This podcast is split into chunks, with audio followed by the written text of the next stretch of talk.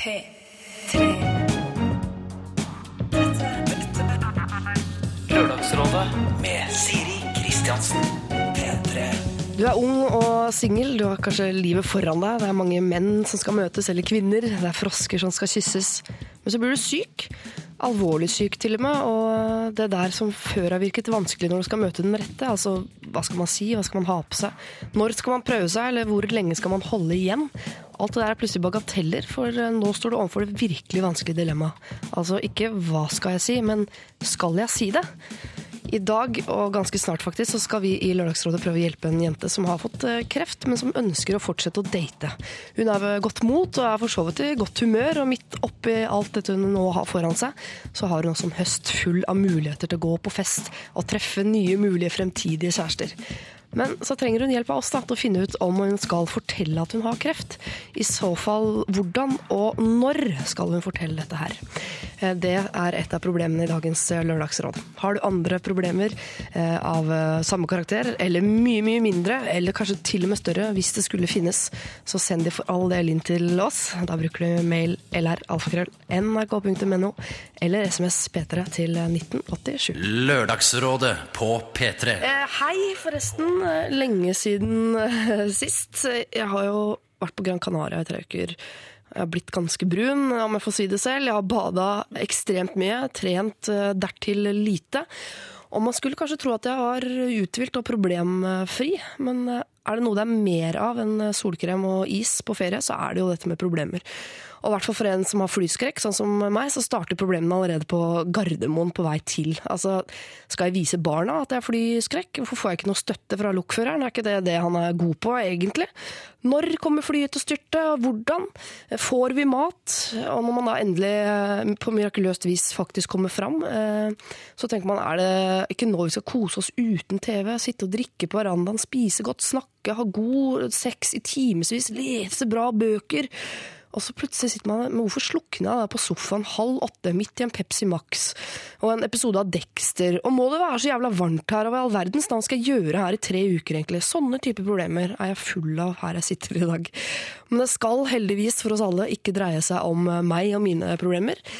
Jeg vil bare at du skal vite at her er det rom eh, og forståelse eh, for såkalte ilandsproblemer. Altså hvorfor er det så jævla varmt i Syden-type problematikk. Send det for all del inn til eh, lralfakrøll.nrk.no. Det er gratis. Jeg skjønner jo at dere har hygga dere òg mens jeg var borte. Jeg har fått mail fra flere av dere som har fått råd i den tida der, og det viser seg at det har gått fint med opptil flere av dere.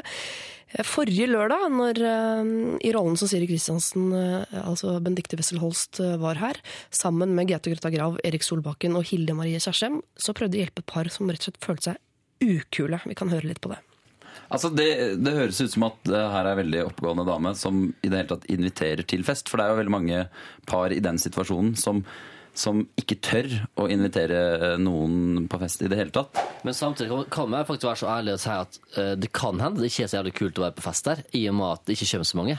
Det er jo et tegn, tenker jeg. eh, som, så hvis det ikke er så mange seere på et TV-program, så er det ofte fordi at eh, TV-programmet kanskje ikke er morsomt nok. Jeg er jo veldig fan av at når du først har fest, så skal det være arrangement. Da er det rett på med grebusleiker, og det er drikkeleiker, og det er beat for beat-konkurranse. Og jeg får tilbakemelding fra noen når jeg er der, at det kanskje er litt for mye som skjer. Og det tar jeg til meg, selvfølgelig. Så de kanskje ikke er kule nok. Og den følelsen må jo hun få fra et eller annet sted. Ja. Og det kan jo være sånne gamle rollemønster som man bare har gått inn i, liksom. Som man ikke klarer å forandre på. Og da burde man kanskje gå et annet sted for å få tilbake en litt selvtilliten på at vi er så kul som pokker. Fordi hun har den derre I hvert fall tar initiativ. Ja. Og det er, jeg tror det er sånn det er gjerne manko i noen vennekretser. Ja. At det fort blir sånn Nei, det skjedde ikke noe denne helga her heller. Så, men bare, bare hvis du piffer opp litt hva man finner på, så ser jeg for meg at det, det her kan ja, funke. jeg er bra. enig, altså. Lørdagsrådet jeg skulle bare ønske jeg var like kul som Hilde Marie Kjersti. og kunne ha den kule frisyren som hun faktisk eh, har. Men nei da. Jeg skal hilse fra eh, altså henne i det ukule paret som har sendt oss en eh, mail etter forrige lørdag. Hun skriver Tusen takk for gode råd og for at jeg stakk av med T-skjorta. Det setter jeg stor pris på. Jeg skal fortsette å invitere folk på fest og finne på ting, og jeg liker godt forslagene til Gaute om temafester, f.eks. Tror rett og slett jeg må ta vare på de vennene jeg har, og bli glad om det kommer noen til. Heldigvis bor begge søstrene mine i byen. Det er kanskje bare eh, annerledes i Oslo enn i Nord-Norge. Her skal det litt mer til før folk faktisk dukker opp. Uansett, tusen takk. Eh, sånn her kan du også få det. Altså lavere skuldre, et lysere sinn, hvis vi bare får lov til å hjelpe deg. Du hører på Lørdagsrådet med Siri Kristiansen. Gabrielle og hennes Bordet har du hørt, og du hører nå altså da på Lørdagsrådet. Og vi har fått eh, på plass dagens rådgivere. God morgen, alle tre. God morgen. Gunhild Dahlberg, Ken Vasenius Nilsen og Magnus Devold. Er det en problem for i morgen? Nei, Nei, Magnus. det er Hvorfor ikke det. Fordi hjemme hos meg så har vi, har vi mus. Hvem er vi? Det er jeg, jeg og de to andre bor sammen med i kollektiv. Kollektiv, Bra du sier det. det er ikke Ja. Ekteskap. Du er ikke gift med to. Nei, det tror jeg ikke er lov. Nei, men det er jo han ene-. Ja, men det er denne konjakkongen som er det, er det ikke det? da? Jo, i Drammen. Han er, han har, jeg vet ikke om han er gift med begge, men han har altså to damer og er i forhold med begge to hele Og mener at det går helt bra. Ja, dette er ikke korrekt å si, men æsj. Fortsett du, Magnus.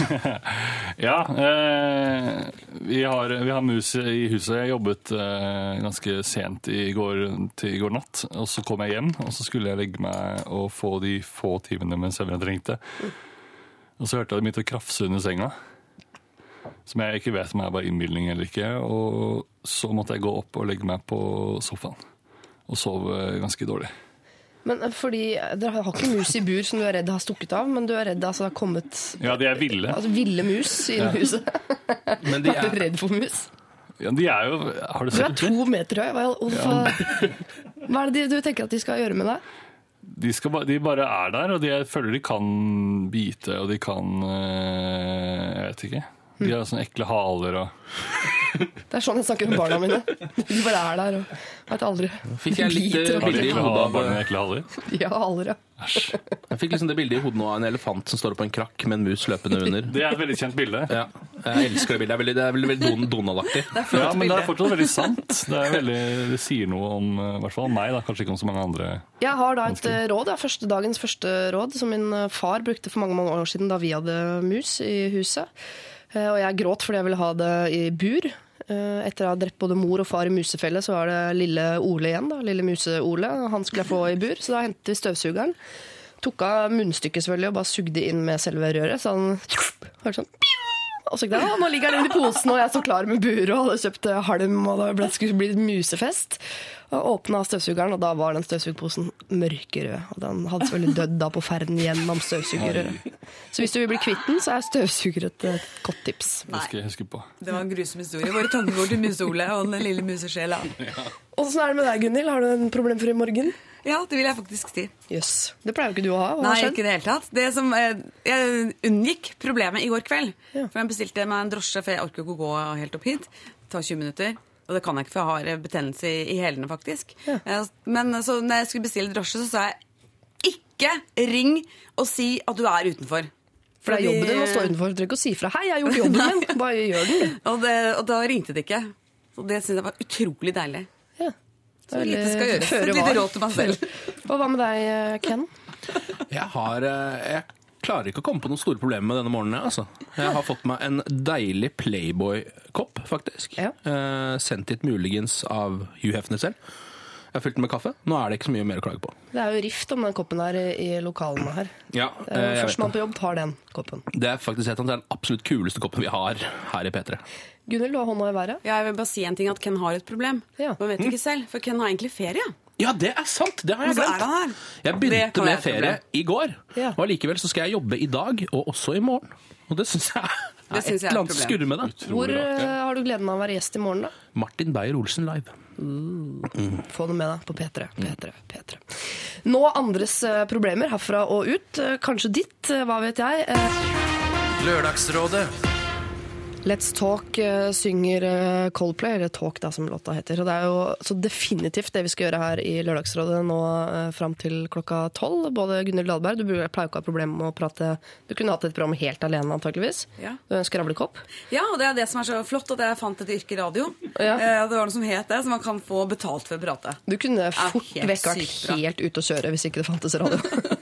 Ken Vasines Nilsen, også ganske godt oppe på snakkeskalaen. Glad i å prate. Ja, jeg har prøvd å komme på ting jeg kunne gjort hvis jeg ikke hadde gjort dette. Uh, Og jeg har tenkt på wrestler, at jeg kunne vært det. Ja. Men da måtte jeg ha trent veldig mye mer og tatt steroider. Ja. Så har jeg ikke kommet på noen andre ting jeg kunne det er de to. gjort. Det er de to. Og Magnus Devold, du også. Jeg vet ikke hvor mye du snakker, men når du snakker, så er det ofte veldig morsomt. Takk. Vi får se hvor mye jeg får slippe til, da. Det spørs. Jeg skal sørge. Det er liksom min jobb, det da. ikke sant? Eh, Du har fått et tips, forresten, på eh, SMS. eh, På dialekt også. Oi. Det står 'legg einer der musene kommer opp'. De kan visst ikke fordra den lukto. Hvorfor man kjøpt einer, er mitt neste spørsmål. Da må du Ja. ut i skog og mark med en bitte liten øks som du f.eks. kan stjele på bussen. Ja, Eller er. T-banen. Ja, sånn type ting. Da kan jeg gjøre det etterpå. Eh, eh, spøk til side. Vi har et litt tungt problem som startproblem i Lørdagsrådet i dag. Det, men det er ikke så mørkt som det høres ut som. Altså. Jeg leser. Eh, Hei, jeg er kreftsyk om dagen og singel. Dette høres jo fryktelig trist ut, men det går faktisk greit. Eh, For det første har jeg og legen planer om at jeg skal bli frisk om ca. 16-20 uker. Og hva gjelder det singelgreiene, fikk jeg noen nye bekjentskaper like før jeg fikk diagnosen. Og disse har selvfølgelig invitert meg på fest akkurat denne høsten. Og jeg er jo litt opptatt med å krefte, som hun selv sier. Disse festene representerer jo en gyllen mulighet til å endelig utvide vennekretsen, og dermed også møte interessante menn. Hvis formen er god nok de aktuelle dagene, vil jeg prøve å stikke innom disse festene. Hvem vet, kanskje venter det en lokfører der et sted. Jeg har ikke mista lysten til å flørte og få kjæreste, selv om jeg er i den situasjonen jeg er i. Når jeg kommer i prat med disse nye attraktive mennene, oppstår det et dilemma. Hva skal jeg si at jeg gjør og driver med om dagen? Skal jeg si at jeg er syk? Eller skal jeg bare fortelle om mitt gamle liv, altså med verv i studentforeningen, jobb osv.? Og si at jeg er på Blindern hver dag, selv om det ikke er sant. Her er bekymringer for de to alternativene som kommer. 1. Hvis jeg ljuger, blir det komplikasjoner, eh, og jeg og fyren, eh, om jeg og fyren fortsetter å holde kontakt. For når skal jeg da fortelle at jeg har ljugd? Nummer to. Hvis jeg sier som sant er, kan det for det første virke jævlig skremmende. For det andre er det da en mulighet for at eh, de kanskje vil se meg kun for kreften, men det er jo bare en liten del av mitt herlige, komplekse jeg. Så what to do? Hilsen rådvill kvinne 28. Altså en relativt ung kvinne her med kreft som vil at vi skal hjelpe henne til å finne ut om hun skal fortelle om sykdommen til nye mannlige bekjentskaper denne høsten. Jeg syns hun skal fortelle det. For at uh, dette her er den første sånn krefthistorien jeg hører som får meg faktisk til å le. Hun har jo veldig mye humor i den eh, jeg, Hun verbaliserer det hele. Ja. Ja. Og, så, og hun, sitter, hun, skal krefte. Et helt nytt, et helt nytt verb. Så det virker som hun har veldig eh, oversikt og kontroll eh, i situasjonen sin. Jeg hadde jo Jeg tror jeg hadde takla det helt annerledes. Men, Vi har eh, klippet ut noe fra mailen også, altså, og det er masse, hun har det kjempefint og koser seg og er blid og fornøyd. Og, så det skal ikke være så bekymra for henne, bortsett fra akkurat det med kreften, men som skal, ifølge legen, løse seg innen 16-20 uker. Hvor lenge er det igjen? Er det 16 Du som forholder deg til uker fortsatt, som har uh, små barn, Gunhild. Hva er 16-20 uker i måned? Åh Gud, jeg har slutta å forholde meg til uker, for jeg har jo fått barn. Ja, Det er når man er gravid man husker de ukene. stemmer det. Fire måneder. Fire måneder. Kom det kjapt allikevel. Jeg husker ikke, altså. Fire måneder. Ja, men jeg merker at jeg som eh, Dessverre som eh, altså, et eksemplar av arten mann, Ja. Så merker jeg at jeg er litt bekymra for hva menn vil synes allikevel. Selv om jeg jo vil tenke at en mann klarer å se forbi kreften, som det var snakk om her. Så er jeg ikke så sikker på at liksom, hvis det er det første som dukker opp Jeg er ikke så sikker på at alle klarer det. Hva tenker du, Magnus? Du Jeg som er tenker eh, litt det samme, og også at eh, det må jo være greit å lyve på fest, hva man gjør. det, det, gjør, jo, det man- gjør man jo hele tiden. Så kan man heller, hvis det går bra med en av de, og de møtes i, på privaten, så kan man heller være mer ærlig da. Ja, for man godtar en løgn hvis man skjønner hvorfor man har ljugd, gjør man ikke det? Og så tror jeg, jeg tenker også hvis at jeg, Man ville vel fått forferdelig dårlig samvittighet. Eller sånn, det vil bli så tungt å, å svelge på, på fest at man uh, må bli sånn Oi, oi, nei, går det bra? Og så sier hun ja, nei, det går kjempebra, og jeg er frisk da og da. Jo, jo, men eh, Og så blir man sånn veldig lavmælt i kanskje en time eller to, Ja. og så er halve festen ødelagt. Det er ikke noe god feststarter, på en Nei, måte. det er ikke det. Uh, og man, man er jo liksom, med veldig mange jeg merker i hvert fall at det er sånn selv når jeg er på fest, så blir man litt grann egoistisk. Hvis man havner borti en samtale som man merker at ikke er festlig nok, Mm. så pleier jeg å prøve å komme meg ut av den så fort jeg kan. Veldig ofte. Eller så pleier jeg å begynne å lyve veldig mye. Ja, det Fordi kan også funke, gøy, men det er jo ikke noe bedre, og, det. og, det tenker jeg hun også burde gjøre. Ja, men Hun kan jo ha flaks at hun faktisk ikke trenger å nevne det i det hele tatt. Det er jo ikke, eller, altså, når man, hva snakker man om da når man setter seg ned? Gutt, jente på fest, har ikke snakket sammen før. Så går det ofte i hva gjør du om dagen? Da blir du nødt til å ljuge hvis du ikke skal nevne kreften. Ja, ljug. Ljug? Ja. Du mener du skulle si Ja, det med tenker, en gang, Gunnhild? Jeg ikke, å- trenger ikke å si jeg har, Hva gjør du? Jeg, jeg har kreft. Eh, Det blir kanskje litt eh, tøft å si det som første setning, men hvis hun kan, eh, kan flette det inn som, en naturlig del av samtalen. Tenk hvis hun er på fest, og hun er jo også på forelesning, så er det jo ikke sånn våre fordommer om kreft, eller det vi, det vi tenker om kreft. Det som frisk er jo sånn herregud, da ligger du sånn, ut, eh, med sånn uthult ansikt uten hår, og du klarer så vidt å snakke. Eh, og du ligger på sykehus og er bare helt sånn vræka, ødelagt, herja kroppen av cellegift. Men hun er jo oppe og går, eh, så det er jo bare en annen, en annen del av, eh, av kreft. Det, alle, det trenger ikke å være så alvorlig, da, tydeligvis. Så det er det jeg tenker at hun klarer jo hun, hun, Det er ikke sånn at hun ljuger. Eh, for hun sier, ser jo, Hvis hun går på fest og er oppe og går, så signaliserer hun jo at hun er ganske frisk også. Ja. Hun kan vel kanskje tenke om hva er det jeg driver med om dagen annet enn å ha kreft. Så hvis hun kommer opp i det spørsmålet sånn, hva gjør du for tiden, så kan hun si det. Sånn, nei, jeg pusler litt rundt, og akkurat nå ja, jeg har studert og jeg skal begynne å studere igjen, akkurat nå gjør jeg ikke det. For jeg tenker altså, Det kan være litt skremmende hvis hun sier det med en gang. fordi eh, Hadde noen fortalt meg det med en gang, så hadde jeg tenkt sånn Ja, det er hyggelig, men tenker du nå at vi er der allerede, at det er informasjon vi burde dele? Det kan jo nesten virke litt innbilt også. Å ja, du føler at vi må dele sånn informasjon allerede? Jeg hadde egentlig bare Jeg skulle bare snakke med alle på festen i dag, ja, men det, at man kan bli litt skremt, da. Dessuten så er det vel også sånn, tror jeg, at når det skal, hvis man begynner å ljuge, da, la oss si at du begynner å ljuge, og så um, blir du såpass godt kjent med en person at du føler at du må si sannheten. Når den sannheten kommer, så tror jeg reaksjonen ikke vil være sånn 'du har ljugd for meg'. Det var mer sånn 'å helvete, du har kreft'. Ja. Skjønner du hva jeg mener? Så jeg tror man kommer seg liksom unna det. Jeg tror man klarer å skli unna den ljuginga uten at man framstår som en dust. Ja, for hva er verst? Sykdom eller løgn? Ja, det, det verste vil jo uansett være når den, når den bomba slippes for den andre parten. 'Herregud, jeg er veldig glad i deg. Du har kreft'. Hva Ja. faen, det er jo ikke bra i det hele tatt. Det vil ikke være sånn 'hæ, du har ljugd for meg, for faen, din jævla Jeg tror ikke det er det som vil komme, da. Da er man ganske grusom menneske. Ja, så det er det jeg tenker. Så kan vi jo si at hun har vært, vært litt dårlig, eller vært, litt, uh, vært innom sykehus, eller vært uh, sjuk på en eller annen måte. Bare prøve å disse det litt ned. Ja. Bare så han vet at det er liksom noe. Mm, kanskje det, ja. Kanskje si at hun har brukket beinet, ligget på sykehus i to måneder. Skal være frisk om 16-20 uker. For eksempel, at man ljuger om sykdommen, ja. men ikke om livssituasjonen. For For eksempel. det er jo altså, kreft, K-ordet. Det er jo noe med det. Når, man, når det kommer fram, så liksom Det er heldig. Det sitter er litt langt inne å anbefale uh, ljuging, altså, men jeg tenker Ja, altså, er hvis hun sier det, er det ikke sånn at dere gutter eh, i bunn og grunn så jeg tenker, altså fra steinalderen og fram til i dag er litt på jakt etter noen å beskytte? At det vil vekke et eller annet instinkt i dere? Ja, kanskje det. Oi, kan en være. vakker, syk Hun trenger meg. Ja, det kan hende. Men nå når du blir frisk, så slår han opp, da, for du var ikke dødssyk allikevel. Det er jo Det er altså ganske nitrist. Men så det, Du innrømmer Ken, hvert fall at du kan bli skremt av Men er det sykdom du blir skremt av, eller at informasjon om sykdom kommer så tidlig? Jeg tror, jeg, jeg tror ikke jeg liksom um, må analysere det så mye. Jeg tror det bare er den personen sier kreft. Jeg vil ikke snakke om det på fest. Jeg går et annet sted. Jeg tror det bare er det. Uansett måten hun sier det på. Nei, og ikke uansett noen ting, egentlig. Hvis jeg liker personen veldig godt, og liksom vi har fått veldig god tone, så vil jeg jo kanskje henge med i et par svinger til. Ja, ligger det ikke noe der? Hvis det er en person du har utrolig god kjemi med, og det i, i liksom kortene ligger at det kan bli dere to, så er det veldig få ting du kan si som skremmer bort den personen. Ja, det er sant. Men samtidig så skal man på, jo på likevel eh, noe av det nærmeste. Topp Ja. tre-lista over ting som er litt sånn skummelt. Jeg tror det. Og så må man jo kanskje vite, da, altså, eh, det må kanskje jenter vite, at vi er ikke så opptatt av ljuging, vi gutter. Eh, Vi syns ikke det er så skummelt som dere syns, tror jeg. Nei. Vi, vi kommer ikke til å liksom sånn Å, du løy for meg. Ah. Vi tar ikke den, liksom. Vi bare ah, OK, du løy. Ja, ja. Jeg får gjøre det en annen gang sjøl. Da har jeg, da har jeg one to go, på en måte. Ja, ok. gutter, ass. Ja.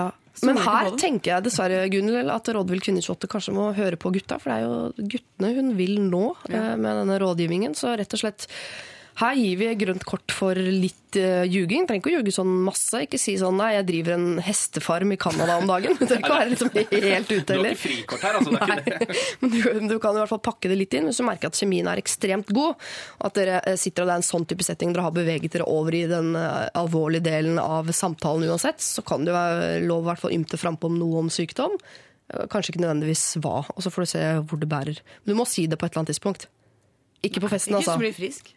Ikke på, jo, hvis jo, det må på bordet på et eller annet tidspunkt. Eh, lykke til, først og fremst med, med kreftinga. Eh, og på andreplass også med datinga. vil kvinne 28. Du hører på Lørdagsrådet med Siri. Casa Murillo og In It For The Kill har du eh, hørt i Lørdagsrådet. Og eh, vi har fått en eh, mail Lørdagsrådet som starter med Heia hopp, Lørdagsrådet er topp! Smisk, smisk. Og den går da i dag til Magnus Devold, Ken Vasenius Nilsen og Gunhild Dahlberg. Dette er ikke så tungt, og det er kanskje lettest for deg, Magnus, å kunne svare på dette, for du er vel den eneste som bor i kollektiv. Ja. Eller Ken, åssen er det med deg igjen? Nei, jeg bor helt alene. Du bor dønn aleine. Gunhild og jeg er mer sånn familieaktig bosituasjon. Det er kollektiv, egentlig. Jeg bor med flere. Er kollektiv. Og dere har liksom delt økonomi og krangler om ungen min. Ok, Da går vi ut fra at alle har eh, noe de skal kunne si om dette problemet, da, for det er kollektivrelatert. Bor for tiden i Trondheim med tre andre trivelige gutter. Vi er alle 21 år. Da vi flyttet sammen var hele gjengen uten kjæreste, men for eh, en av oss tok ikke det lang tid før singeltilværelsen tok slutt. Kjæresten hans er ei kjempekoselig jente, og vi kommer godt overens alle fem. Hun tilbringer mye tid her, noe som for så vidt er bare hyggelig. Hun er på en måte blitt en del av gjengen. Vi gutta har en ordning om at eh, vi har all mat felles, og vi deler derfor totalregninga på oss fire ved slutten av hver måned. Det at hun er her ofte, gjør at hun også spiser her ofte. Blir det da feil av meg å mene at hun burde bidra til vår felles mat? Det høres jo kanskje litt gjerrig ut av meg, men vi studenter har jo ikke flust med penger. Hun spiser selvfølgelig ikke like store mengder som oss gutta, men det blir allikevel mindre mat på oss. Så hva mener dere? Hvis dere også mener at hun burde bidra litt økonomisk, hvordan burde jeg legge dette fram på best mulig måte? Jeg vil nødig at det skal komme ut feil, slik at hun tenker at jeg er gjerrig. Kanskje dere kan komme på en måte å få mitt poeng fram på, uten å si det direkte. På forhånd takk. Dere er fantastiske. Ha en utsøkt sending. Hilsen Torstein. Det bør vel eh, Han bør, kan, bør vel ta det via kjæresten hennes. Ja. Og kanskje ikke nødvendigvis bidra økonomisk, men altså kjøp, at hun kan være med å kjøpe inn mat. Er ikke det å bidra økonomisk? Jo, Ja, men det var det første jeg tenkte på. At Ja, jeg det- tenkte du kan gi dem penger, tenkte jeg liksom først. Ja. Eh, men eh, nå skjønner jeg jo at eh, det er jo også en mulighet. eh, Ja, men er det noen som syns at de skal begynne å splitte regninga på fem? Altså at hun skal gi like mye som gutta? Nei, det blir vel Eller nå vet jeg jo ikke hvor mye hun er der. Eh, Eller noe sånt noe. Men man bor vel ikke der liksom sånn ordentlig, så det Nei. høres jo litt rart ut. Men jeg syns jo det som høres riktig ut, er at de gangene hun er der, så hender det at hun tar med seg pose fra Rimi med litt oppi. ja. Ja. Men hvordan skal han få foreslått det? For da sier han jo fortsatt det samme. Ja. Du må bidra økonomisk, er jo fortsatt beskjeden. Men det er jo eh, Man burde ikke via- si bidra økonomisk. Nei, ikke bruk det uttrykket. Eh, Gå innom Rimi, kan du, kan du si. Nei, men det, det må jo snakkes med kameraten, altså kjæresten til, til dama. Ja. Fordi de er jo gode kompiser, virker det som. De to. Ja. Så det er jo han han må ta opp det, problem, eller det lille problemet med. Det kan hende at til og med at han har tenkt på det samme. Det kan jo godt Hvis han er en, en litt gjerrig fyr. Men er det ikke sånn at denne gutten med kjæreste All den tid eh, hun ikke er hos han, så er vel han antageligvis hos henne. Så de to til sammen, altså Han spiser jo da mindre enn han gjorde før når de delte regninga seg imellom. Så kanskje totalt er ikke ikke er så gæren allikevel. liksom Veldig ofte så har man jo liksom eh, Eller et sånn hangout, et sted man foretrekker framfor det andre, kanskje. Ja. Og det kan jo virke som det er det kollektivet hvor de gutta bor. At det er liksom der de er veldig mye. Da. Det, det, eller jeg bare tenker at det hadde stått i mailen hvis, hvis, det, var, hvis, det, ikke, hvis det var liksom like mye hos henne. Da hadde det ikke vært noe problem. Nei, det er sant. Og jenter er oftere, det er oftere at jentene blir med gutta enn at guttene blir med jentene. Hvorfor er det sånn, da? Er det ikke sånn at guttene gjerne vil være hjemme hos jentene i jentekollektiv, for det er mye reinere? Nei, er det? Tror ikke de det- brydde seg om sånt. Tror jeg ikke det er. Tror ikke det er sånn. Da er man redd for å gå på do og sånn. Det er ikke noe ålreit. Ok. Aldri sporet frykt hos gutter for å gå på do, men eh, Nei. hvis du sier det. Hvis du er i det reneste jentekollektivet i hele verden, så er det en liten frykt der, altså. Men altså, hun bør bidra. Alle er enige om at hun bør bidra på en eller annen måte. Da er vi over på neste problem, nemlig hvordan skal dette legges fram. Og du har allerede vært inne på det, Magnus, at det bør legges fram via kjæresten. Ja. Hvordan, altså det, mitt, altså det første tipset mitt, men jeg vet ikke om det er aktuelt, da, det er å, å avskaffe hele den der eh, fellesordningen. Fordi jeg har bodd i både kollektiv som gjør det og ikke gjør det, og jeg føler jeg taper utrolig mye penger Ja. på sånn fellesgreie. Uh, og så er det veldig irriterende å aldri vite hva du har i, av mat når du kommer hjem, så du må alltid hjemom sjekke hva de andre ikke har spist, og så gå og handle. Ja, Det er sant, det er en idiotisk ordning, egentlig. Så kan alle bare ha noen felles eh, Kan man ikke dele en sånn Rimi-app? Eller så kan man bare ha den gode gamle hver sin hylle, hvor man bare bestemmer selv hva man har. Bedre, og jeg tror det er mer økonomisk for alle. Og da kan han og hun ha en sånn koselig kjærestehylle hvor de legger sånn kjærestemat. Og så kanskje kan kan male rosa eller noe sånt. Det er ikke så lurt å male inni kjøleskapet. tror jeg. Jo, men blir det ikke mer krangling av det? For da blir det ofte sånn Å, fader, jeg er tom for skinkost. Jeg tar fra hylle nummer to, som jo egentlig er Petter sin. Og så blir man sur sånn Du tar alltid min skinkost. Ja ja, men så tar jo du leverpost av meg, ja. Og så kan man krangle at det er bedre å bare si sånn Fuck it, det blir kanskje ikke jevnt. Vi bare splitter regninga på Men det er alltid en som sniker seg unna. Og nå har det kommet en ny person som sniker seg unna, som egentlig ikke bor der engang. En slags åtseldyr av en dame. som bare Hva med å gjøre dette til noe koselig? At en gang i uka, på onsdag for eksempel, så står hun for middagen. Da må hun lage suppe eller graut, eller mat som måtte stå på hennes meny, til alle i kollektivet ja, på hennes regning. Og så kan hun lage litt sånn eh, mat som de gutta sikkert ikke lager. ja, men Det blir sånn Så teit grønnsaker og sånn. jentegreie. Nei, du er jente, derfor kan du lage mat. En gang i uka. Ja. Det må være greit. Er vi ikke ferdig med at det er flaut for en jente å være på kjøkkenet nå? er, vi, er vi ikke over det? Nei, jeg synes man tenker sånn ah, da, Du er så jente, så du kan lage koselig stemning, så kan du stå for suppelaging. Jeg tenker sånn, nei. Hun kan heller kjøpe med seg fem ekstra nudelpakker. Er det ikke det de spiser, studentene? Jo, det er ofte nudler det går i. Ja, så det, da har han gjerrigknarken, han fyr som har sendt inn SMS-en, han kan godt sandere den der, den der eh, nudelpakka på hun jenta. Spiser en gang i uka. Hvis hun spiser fem nudelpakker i uka, så kan, han, eh, så kan han si fra til typen. Kan ikke du be henne kjøpe Dere kan stikke og kjøpe 100 nudelpakker. For Han nevner jo ikke lyspærer og dopapir, som er sånne ting som man vanligvis kicker på. I sånne her type, dopapir. Ja, Vi bruker ekstreme mengder dopapir. Vi bruker mer dopapir enn vi spiser mat. Ja. Det reagerer han ikke på. Det er ikke så dyrt. Er ikke dopapir så dyrt? Jeg vet Ikke ikke. sånn studentdopapir, men uh, kanskje hvis du Er det eget studentdopapir? Tørker du grov. Av nudler. Men eh, kan han ikke, eller eventuelt få han kompisen til å si til dama si sånn Nå går vi og handler. Nå, eh, du skal komme bort til meg nå. Der vi, har, vi har nesten ikke noe mat. Kan ikke vi gå og handle, og så lager vi noe godt? Bare få han til å si det nesten hver eneste gang. Hvordan tror dere vi går før hun merker noe til det? Ja, for hun burde ha tenkt tanken Egentlig burde hun ha tenkt dette selv. Ja, det Eller- vet. Ja, Det er jo det som er, det hadde vært den ideelle situasjonen hvis hun hadde sagt sånn Nå har jeg spist såpass mye hos dere at vet du hva, nå har jeg kjøpt inn noe greier her. Ja. Ja, det er vanlig det er man, folkeskikk. det er vanlig folkeskikk. Og hvis man f.eks. låner huset til noen, så kanskje man fyller opp kjøleskapet litt når man går. Bare sånn fordi man er litt grei. Ja. Og fordi Eller- man har liksom, det er en tjeneste. Hvis du er sånn som bommer, alltid bommer røyk på fest, så kjøper man gjerne en 20-pakning. ja, men de som alltid gjør det, de, altså de Veldig sjeldent at de gjør det, ja, men de burde For det det. fins noen snyltere i samfunnet skjønner som Ja. bare seiler gjennom livet på andres uh, lommebok. Det er dødsirriterende. Ja, men De får man ikke gjort noe med. De, de man kan gjøre noe med, er de som er sånn mellomfasen, som bare ikke er så bevisst på det. Sånn som kanskje denne dama. Derfor tenker jeg at Torstein kanskje burde gå nettopp til kjæresten og si sånn eh, Nå er dere plutselig to, så da må du betale litt grann mer enn det vi gjør. Og hvis du vil ha det ekstra pengene av henne, det får bli en greie mellom dere. Men Ja. det er du som er på en måte grunnen til at, at det spises mer eh, mat på deres rom. Da må du betale litt grann mer. Eller? Ja, men det er ikke så dumt, det. Det er ikke meningen at dere skal ha en med meg. Og Altså, så er det selvfølgelig viktig å bedrive lobbyvirksomhet og spørre de andre eh, i kollektivet om de er enige med deg, så man ikke liksom står alene plutselig uten dekka rygg. Ja. Ja.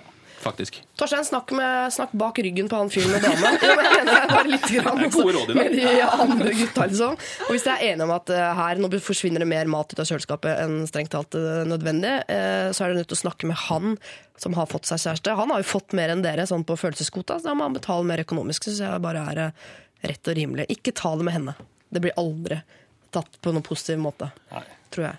Lykke til, eh, i hvert fall. Eh, Vi avslutter akkurat den lille problemrunden der med Take Care. Dette er Drake og Rihanna. Take Care synger de Drake og Rihanna, og det er for så vidt et veldig godt råd som vi nesten kunne sagt på slutten av alle problemene vi eh, tok opp. Vi har vært innom et problem nå, kollektivproblem, der en har fått seg kjæreste, og da mener de at altså kjæresten burde begynne å bidra litt og betale for maten. Nå har jeg fått inn en SMS fra deg, Svein. Hei.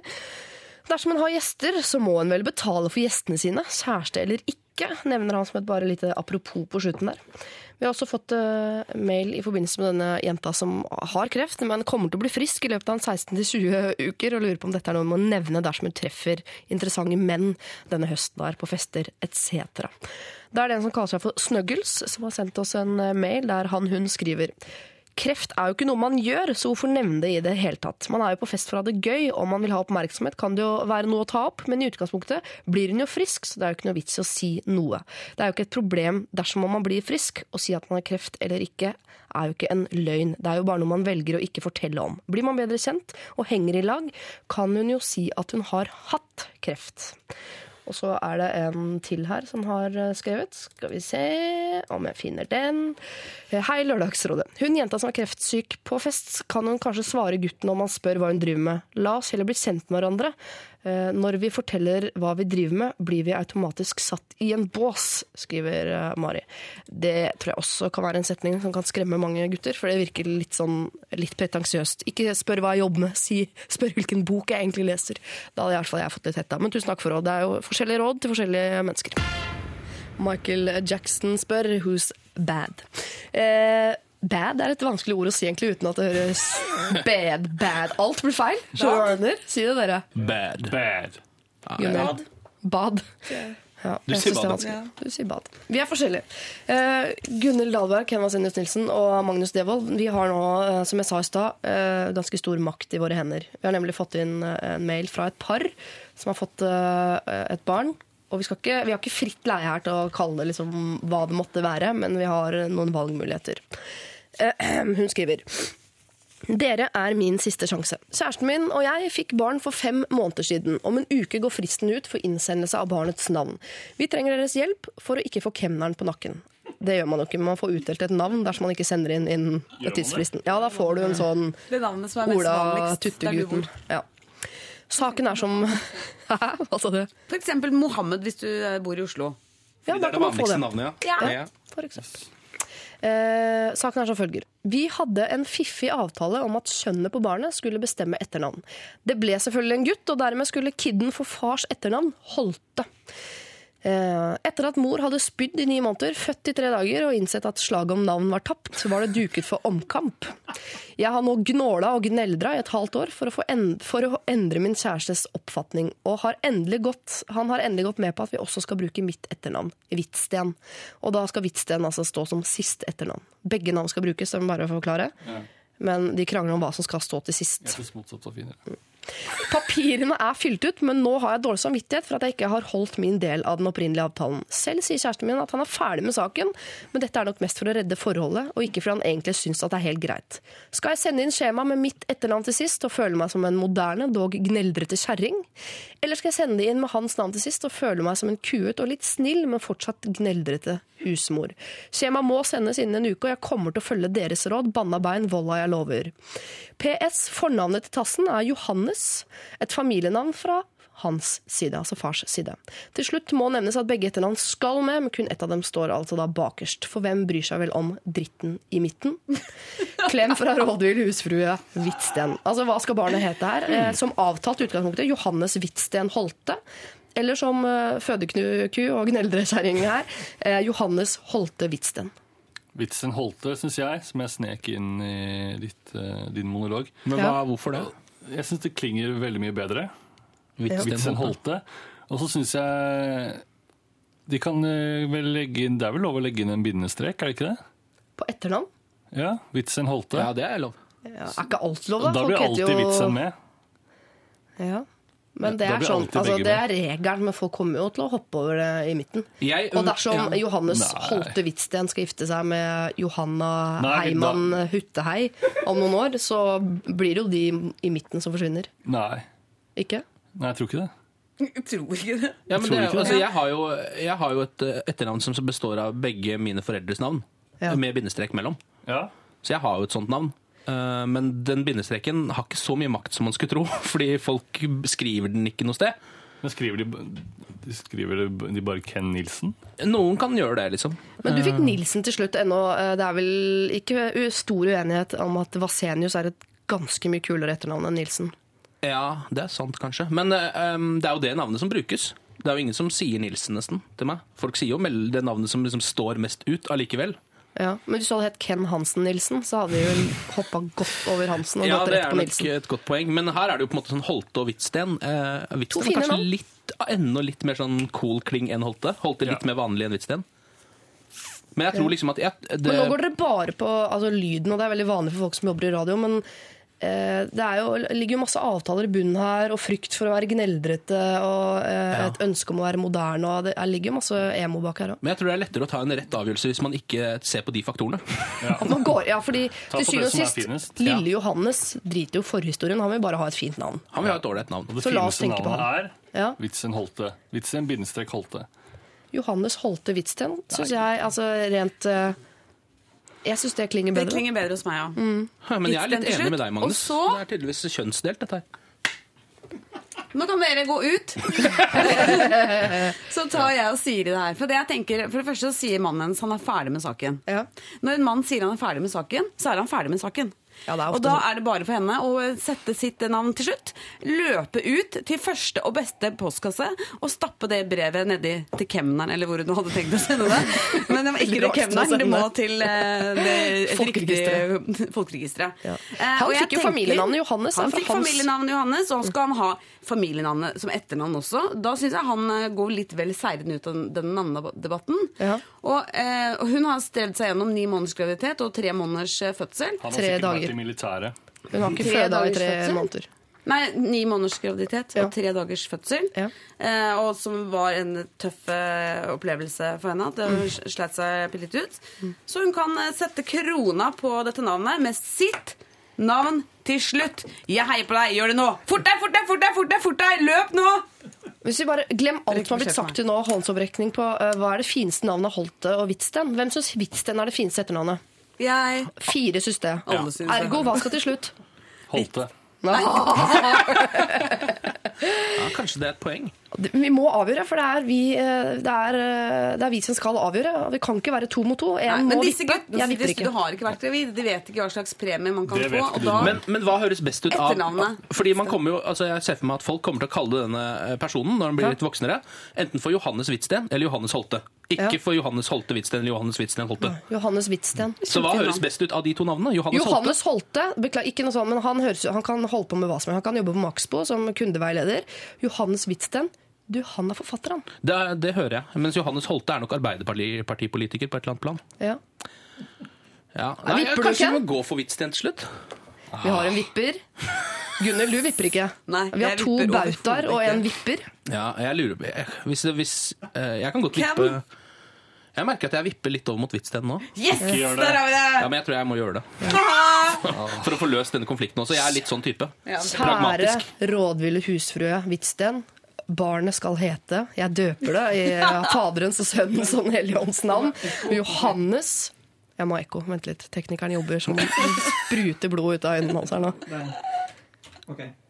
Jeg døper din sønn i Faderens eh, og noen andres hellige navn. Jeg husker ikke den regla der.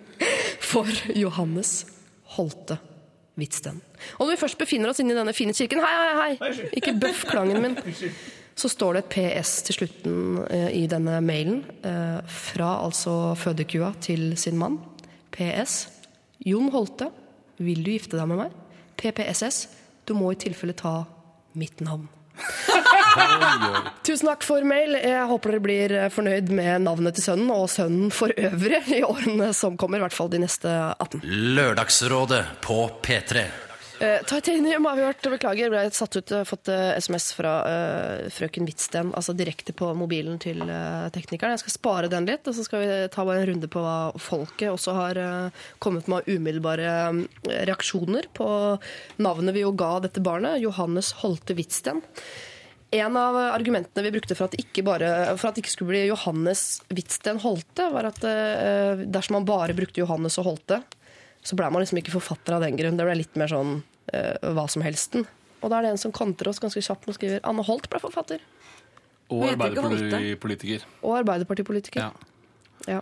Så der dreit vi oss litt ut. Men jeg er enig, det er ikke Holte, det er, det er Holt, ikke Holte. Men jeg tror, Men det er jeg tror ikke det er der forskjellen ligger heller. er Anne Holt er jo krimforfatter. Eh, Det er jo på den, den laveste på rangstigen innen forfatterskap. Kanskje bortsett fra barnebokforfatter, selvfølgelig. Og, og sexbokforfatter, Gunhild. Hva med dagbokforfattere? Hvor ligger de? Nei, de er vel kanskje under der igjen også. De under der. Du, man skal ikke drive og ønske seg for, sånn forfatterbarn egentlig heller, for at uh, veldig mange kunstnere og folk i mediebransjen har jo issues. Så Ja. det tryggeste man kan gjøre, er å bli sammen med en lokfører, et vanlig menneske. Ja, det er det absolutt tryggeste man kan gjøre. Men også bitte litt kjedelig. Er litt kjedelig, men det er trygt. Ja. Det vil jenter ha. Eh, En eh, svensk eh, mann har sendt oss en mail, litt oppklarende. Vi lurte på hvordan blir det egentlig hvis du ikke sender inn hva heter du videre. Han skriver at om man ikke kikker inn navnet på sitt barn i tid, så får de fornavnet, altså et fornavn som er det mest brukte, og mors etternavn. Så gikk det for vår eldste sønn, skriver da denne Andreas til oss. Eh, og så er det en også som skriver her Frøken Hvitsten vil få en mann som for alltid vil vite at avtaler gjelder- kun hvis hun i ettertid er fornøyd med utfallet, og han vil derfor vise liten interesse for avgjørelser. Og det vil nok bli frustrerende senere. Hilsen Svein. Oi, var det en mann som hadde sendt inn det? Da var jeg Ja, sikker på at det var en kvinne som hadde sendt inn. Ja, Vi vet jo ikke Det var så hvordan denne Svein er. Ja, men det var altfor alt for mye politikk i, den, i det hodet. Skjønner du hva jeg mener? Det var liksom litt sånn eh, jeg, jeg klarer ikke å tenke sånn som mann. Jeg hadde ikke klart å føre det der videre til at avtaler aldri gjelder, f.eks. Men du er, du er guttegutt. Jeg hadde Ken, sånn, neste gang er det sikkert er annerledes. Men dere, eh, vi har fått da en privat melding fra frøken Hvitsten. Hun skriver Å ja da, hurra for panelet, altså. og Tusen takk for dyktig rådgivning og en særdeles god avgjørelse. Og så fikk vi da neste SMS også. Du kan jo legge til at han takket nei til giftermål. Men så lenge jeg har navnet, så prikk, prikk, prikk. Så da blei det altså Johannes Holte Hvitsten, eh, men dessverre ikke noe giftermål i denne omgang. Vi skal straks ta tak i et eh, problem der det er en eh, jente som har litt problemer, og det medfører at hun blir slem mot vennene sine de periodene hvor hun er frisk. Men det etter The Gaslight Anthem. Ken Vasenius Nilsen, Gunhild Dahlberg og eh, du gjesper, Magnus Øvald. Ja, jeg har sovet lite. Har du sovet litt? Ja, det er den musa. ja. Ja. Magnus Devold har en, en mus under sengen sin og har derfor sovet på sofaen i natt. Og du er jo en ekstremt lang mann, så jeg tipper at du er lengre enn sofaen. Er det derfor du har sovet dårlig? En lang mann, eh, sitt første bud er alltid kjøpe en lang sofa. Ja. Og det en, gjorde du også? eh, Ja. Du kjøpte ikke Klippan fra uh... Jeg hadde Klippan eh, Ja. mens jeg studerte. Ja. Uh, Så fikk jeg jobb. Tjente mer penger enn jeg gjorde fra Lånekassen. Ja. Kjøpte meg en lengre sofa. en litt lengre sofa. Jeg har ikke angret på det. Nei, Kjempegodt tips. Mye, hvis man hører godt på Lørdagsrådet, så kommer det mye sånn gode småtips innimellom også. Mm. Ikke bare de store mellommenneskelige. Eh, nå skal vi over på et litt større og mellommenneskelig eh, problem, faktisk. Eh, jeg skal lese mailen som har kommet inn. Ei god venninne av meg sliter veldig og har gjort det i mange år. Hun har diagnosen depressiv, går på antidepressiva hele tiden, går til psykolog der hun får god hjelp, øh, og hun har en familie som stiller opp øh, og hjelper til. Det sjekkes så ofte, men det kommer i perioder, særlig på vinteren. Når hun har dårlige perioder, har hun det veldig vondt, og hun mener at verden og folk rundt henne ville hatt det bedre uten henne. Vi bare innser det ikke selv. Stort sett har vi det veldig fint sammen, støtter og hjelper hverandre og finner på mye gøy. Hun har mange andre venner rundt seg også, men jeg er hennes beste venn. Jeg har ikke så veldig mange andre venner her vi bor, og de vennene vi har felles, bor stort sett andre steder i landet. Problemet mitt er at når hun har hatt en dårlig periode, blir hun slem mot meg. Hun kan komme med spydige kommentarer, kritisere klærne mine, kjæresten min, rakke ned på ting jeg har laget osv. Og, og jeg innser at dette nok er underbevisstheten hennes, som fortsatt er i den dårlige perioden og prøver å skyve meg unna fordi i hennes hode jeg vil ha det bedre uten henne. Jeg lar meg ellers ikke pelle på nesa, verken av henne eller andre, men akkurat når hun er sånn, står jeg bare og tar imot. Og så blir jeg liggende på kvelden både trist fordi hun er slem, og sint fordi jeg ikke tok igjen. Og med fryktelig dårlig samvittighet fordi jeg føler det sånn, siden jeg strengt tatt ikke har en bekymring i verden i forhold til henne. Hilsen mellomung jente.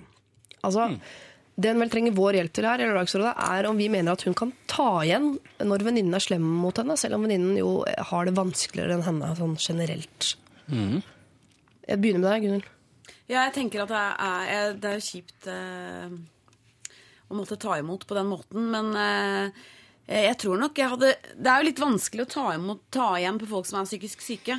Og det er jo ikke venninna som snakker, det er eh, sykdommen hennes. Ja. tenker jeg. Det er, eh, hun snakker ikke med sin egen sjel. Det er, eh, det er den mørke depresjonen som snakker. Men selv om sykdommen snakker, tror du at uh, mennesket bak sykdommen hører hva denne sykdommen sier, eller er det helt, får hun det ikke med seg engang? Eh, jo, jeg, jeg tror hun hører det, og man, det er jo det som kanskje er litt forvirrende når man møter deprimerte folk. Noen deprimerte er jo også aggressive. Ja. Eh, altså, det er jo det er jo det som er sånn corny med den sykdommen, eller med psykisk syke, at det ser ut som eh, Man kan tenke at det er, det er jo du som er psykisk syk, som, det er du som sier det, men så er det jo nesten som man er sånn besatt av noe annet. Eh, som har tatt eh, bolig. Eh, så det er jo egentlig den som eh, så man er jo litt sånn unnskyldt, dessverre, når man har den eh, depresjonen. Det er kanskje litt vanskelig, og det er vanskelig å kontrollere det også. Så hun eh, Det er kanskje lettere for hun friske å, å tenke oi, shit.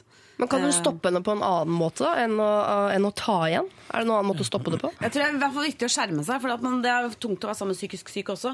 Sånn at man, eh, man må bare skjerme seg, kanskje ikke stille opp så mye. Kanskje prøve å avbryte samtalen. Det er vel et eller annet også med at når man er eh, deppa, eller depressiv som det er her, som er liksom noe mer enn deppa igjen også, føler jeg, Ja, eh, så er det jo ofte sånn at man eh, at man gjerne liksom vil eh, lenger ned i depressiviteten. Skjønner du? At man, liksom, man har det jævlig, men man vil ikke heller Man har ikke noen sånn følelse av at man vil komme seg opp. Man er liksom, vil liksom på en måte dynke seg selv i den depressiviteten litt mer. Så jeg tror nesten at når man kommer med sånne utsagn til sin beste venn, da, så er det kanskje litt for at man nesten vil at den personen skal ta igjen og si noe tilbake, så man kan bli såra selv. Ja. Skjønner du hva jeg mener? ja. Uh, og det er det jo ikke noe vits å gjøre. Eller tror du hun tester for vennskap òg? For dette er jo ofte ikke når hun er på det mest deprimerte, men rett etterpå, etter en sånn mørk periode, Ja. så blir hun litt slem. Ja. Om det er for å teste om venninnen fortsatt er der, eller klarer man kanskje ikke å tenke så rasjonelt? Jeg, tror, jeg tror det er for å liksom kunne få en sånn uh, f For å bli litt utskjelt tilbake, og igjen føle seg dritt, faktisk. Tror du Magnus, at hun vil få det bedre ved å ta igjen? Eh, Hun ligger jo på kvelden og, og er trist fordi hun ikke tok igjen. Jeg tror hun også hadde blitt trist hvis hun hadde tenkt oi, nå var jeg veldig krass mot hun som har hatt det kjipt. Ja. Og det burde jeg kanskje ikke gjort. Jeg burde bare latt det passere. Ja. Så jeg tror, ikke, jeg tror ikke det vil hjelpe. Jeg tror det bare er, det er bare kjipt uansett. Ja, for tenk hvis eh, altså, mellomung jente her på en måte dytter henne utfor stupet, hvis det er lov å bruke det uttrykket, med å ta igjen. Det kan jo også være utfallet. Jeg tror ikke det kommer noe godt ut av å ta igjen, det, uansett. Men det som man kanskje kan gjøre, er vel å eh, ta det imot eh, så godt man kan, og så vente til personen kanskje er inne i en litt bedre periode. Og så går det jo an å snakke om det da, eh, vil jeg tro. At sist gang du var helt nede, så var du helt jævlig mot meg, det må du bare vite, eksempel. Ja. At du er ikke liksom Eller altså, ja, Nå har du det det bra, og når, noen ganger du har det dårlig, så er det veldig vanskelig å være sammen med deg. Det, skal, det, det kan være greit å vite også. Ja, for jeg har alltid ment både i venneforhold og kjæresteforhold og alle forhold som måtte uh, finnes, så er det jo når man har det ordentlig bra at man burde jobbe med ting. Men det vil man jo ikke, for da har man det jo bra. Så da vil man ikke ta og jobbe med ting som er vanskelig da. Det er da man har liksom overskudd og nok kjærlighet til at man egentlig burde ta tak i de tingene som er litt vanskelig da. Men jeg skjønner at man ikke, at man ikke gidder. Men kan man jobbe seg dit at man ikke bryr seg lenger? Kan hun på en måte gjøre seg litt sånn hardhuda overfor den kritikken? Man blir vel eh, Med nesten tiden. automatisk det uansett mot all kritikk, hvis man får det flere ganger og bestemmer seg for å ikke la det gå inn på seg. Eller hvis det ikke går inn på deg, så, så tror jeg man tåler det bedre og bedre. Men eh, det er jo ikke noen grunn til at at hun blir mer hardhuda, er jo ikke noe grunn til at hun andre ikke skal Nei, at hun skal fortsette å gjøre det. Nei. Man kan jo kanskje se på den når hun er slem, at det er liksom en forlengelse. Hvis hun har, når hun eh, har det som verst, så kan man kanskje tenke seg at hun er veldig lei seg, eller eh, Og så er hun, når hun er på vei ut av sykdommen, eller ut av depresjonen, så er, det, så er man ikke frisk før hun er seg selv igjen. Eh, sånn at den der aggressive drittslengingsbiten er også en del av den sykdommen. At, eh, jeg tror det nesten må være som en, for en friske venninne. At det er nesten som når man er sammen med barn. Så folk som jobber i barnehage, må vel også ta på seg en sånn Ok, det er bare barn. Barn sier sånn Du er dum. Du får ikke komme i bursdagen min. Eh, eh, mamma er mye snillere enn deg. Eller den andre eh, barnehageassistenten er mye greiere enn deg. De gjør sånne ting. Og det, men tenker man ja, men du er jo barn, så derfor sier du sånne ting. Og da må kanskje man tenke sånn deprimert. Ok, du er deprimert. Det er derfor, det er, det er derfor du snakker sånn. Du Men det vanskelige sånn- kommer vel at det, den drittslinga han kommer med, er vel antageligvis ting som hun tenker at dette er jo tanker du har i hodet ditt, så dette er sikkert ting du også tenker som frisk, men da sier du det ikke, for da er du frisk. Men det er jo noe du tenker. Så hvis du sier som syk eh, typen din eh, et eller annet om kjæresten, eller om klærne hennes, eller ting hun lager da, så er det det, det hun kanskje egentlig mener, eller er det ikke Eller så sier jeg tror nesten mer hun sier det for å få en reaksjon, sånn som Ken snakket om i stad. At uh, det er ikke nødvendigvis noe hun mener, men hun Nei. vil ha et eller annet tilbake. Ja, jeg tenker at uh, deprimert er litt sånn man får det er jo sånn, Man kan jo bli psykotisk av det. Og det, depresjon er som en sånn forvrengt Du får en sånn forvrengt virkelighet. da. Du ser ikke det Du har et annet mm, verdensbilde enn det andre har. Og så det er liksom jeg tror, jeg tror ikke man kan tenke at hun mener det når hun er, eh, når hun er seg sjøl, da. Ok, Så mellomjung jente, det jeg hører her, som jeg tror kanskje du skal tenke på, er at venninnen din er syk også når hun sier dette. Det er ikke venninnen din som sier det, det er sykdommen hennes som sier det. Og hun har et forvrengt bilde, det er ikke nødvendigvis noe hun mener. Og det beste du kan gjøre, er å bare faktisk ta imot, for du kommer til å bli lei deg hvis du uh, tar igjen også. Og heller jobbe litt med å bli hardhuda. uh, og og bare øse på med kjærlighet. Og så får du heller, når hun er frisk, da, kanskje snakke om det. Være ekstra raus med komplimentene og håpe at det drypper litt tilbake i de friske periodene. Noe sånt? Ja, han Kan dra med og kline med typen sin. tenker jeg. Ja, jeg er faktisk ganske vellykka. Ja, jeg er frisk og er eh, fornøyd med det. Tusen takk for at du sendte inn problemet. Og du og alle andre, send gjerne inn hvordan det går, hvis dere tester ut disse rådene dere får. Funka det, eller er vi helt på jordet, eller hvordan gikk det egentlig? Sånn som jenta eh, hjalp i stad, som vi jo fridde for her på radio, og som fikk nei. Sånne type ting. Det vil vi gjerne vite. Send inn problemet ditt på mail eller alfakrøll.nrk.no. Du hører på Lørdagsrådet med Siri Kristiansen. Martine Marbil hørte vi, og hennes eh, Get You. Vi har fått inn eh, to SMS fra to eh, deprimerte kvinner, som da tydeligvis vet hva de snakker om. Jeg skal lese de begge to. Fra en som har vært deprimert selv. Det er ikke godt når noen er for snille og bare tar imot slikt. Det er så mye bedre når noen sier ifra og stopper deg og ikke lar deg få holde på slik. Det er jo som med unger som tester voksne. De vil ha en reaksjon og trenger at de voksne setter grenser og sier ifra. Og så er det en annen håpefull 31-årig eh, dame her som også skriver Hun må ta opp dette med venninnen når hun er i en god periode. Dette bør hun som er syk, snakke med psykologen sin om. eh, Og hun trenger å vite hva som skjer med folk rundt seg når hun er deprimert. Målet er at hun skal bli frisk, og ta litt ubehagelige ting er en del av veien. Klem fra deprimert skråstrek angstfull, men håpefull 31-årig jente. Eh, vi legger den eh, død, og så går vi videre med noen andre SMS-er som har eh, kommet inn til eh, dere, rådgivere. Magnus Devold, Ken Vasenius Nilsen og Gunhild Dahlberg. Er det noen som vil begynne? Magnus? Ja, jeg vil gjerne begynne. Magnus. Her er det en eh, som har sendt inn SMS litt tidligere i dag, som lurer rett og slett på om du er i familie med Simon Påskerås. Ja. Jeg er hans eh, barnebarn. Du er hans barnebarn. Er han eh, sånn som gir råd eh, har han vært, altså, Opplevde du han som sånn på skross? Var han det privat òg? Han, han er ikke sånn på skross-svar i alt han gjør. Nei. Det er han ikke. Men han, eh, nei, han er vel egentlig ganske vanlig på det. Han gir vel noen, gir noen råd. Men er ikke noen sånn veldig sånn, han er ikke sånn formanende type. Er han ekstremt stolt over at også hans barnebarn sitter i en eh, maktposisjon til å gi råd i 2012? Det vet jeg. Jeg var, besøkte dem i går, og Ja. da glemte jeg å si det at jeg skulle hit. Magnus. Så det var litt flaut. Hva med Kristin Krohn? Har du slekt med Kristin Krohn? Det er min mor. Nei, Er det ikke. di? Nei, Oi! nei, hun Nei, er det var ikke meg. slekt. Der Hva med Devold superundertøy? De er i slekt. Det er tippoldefar Er det? som startet det. For en fantastisk slekt. Er det bare Å, undertøy det er masse ull i eh, familien. Masse ull. Så deilig. For en slekt. Jeg vil jeg må der. dra helt opp til eh, fabrikken som ligger utenfor Ålesund for å få rabatt. Det er litt kjipt. Jeg kan ikke liksom, gå på G-sport og vise legitimasjon og få billig ullundertøy. Det er litt kjipt. Du kan sende en et e-post med etternavnet ditt.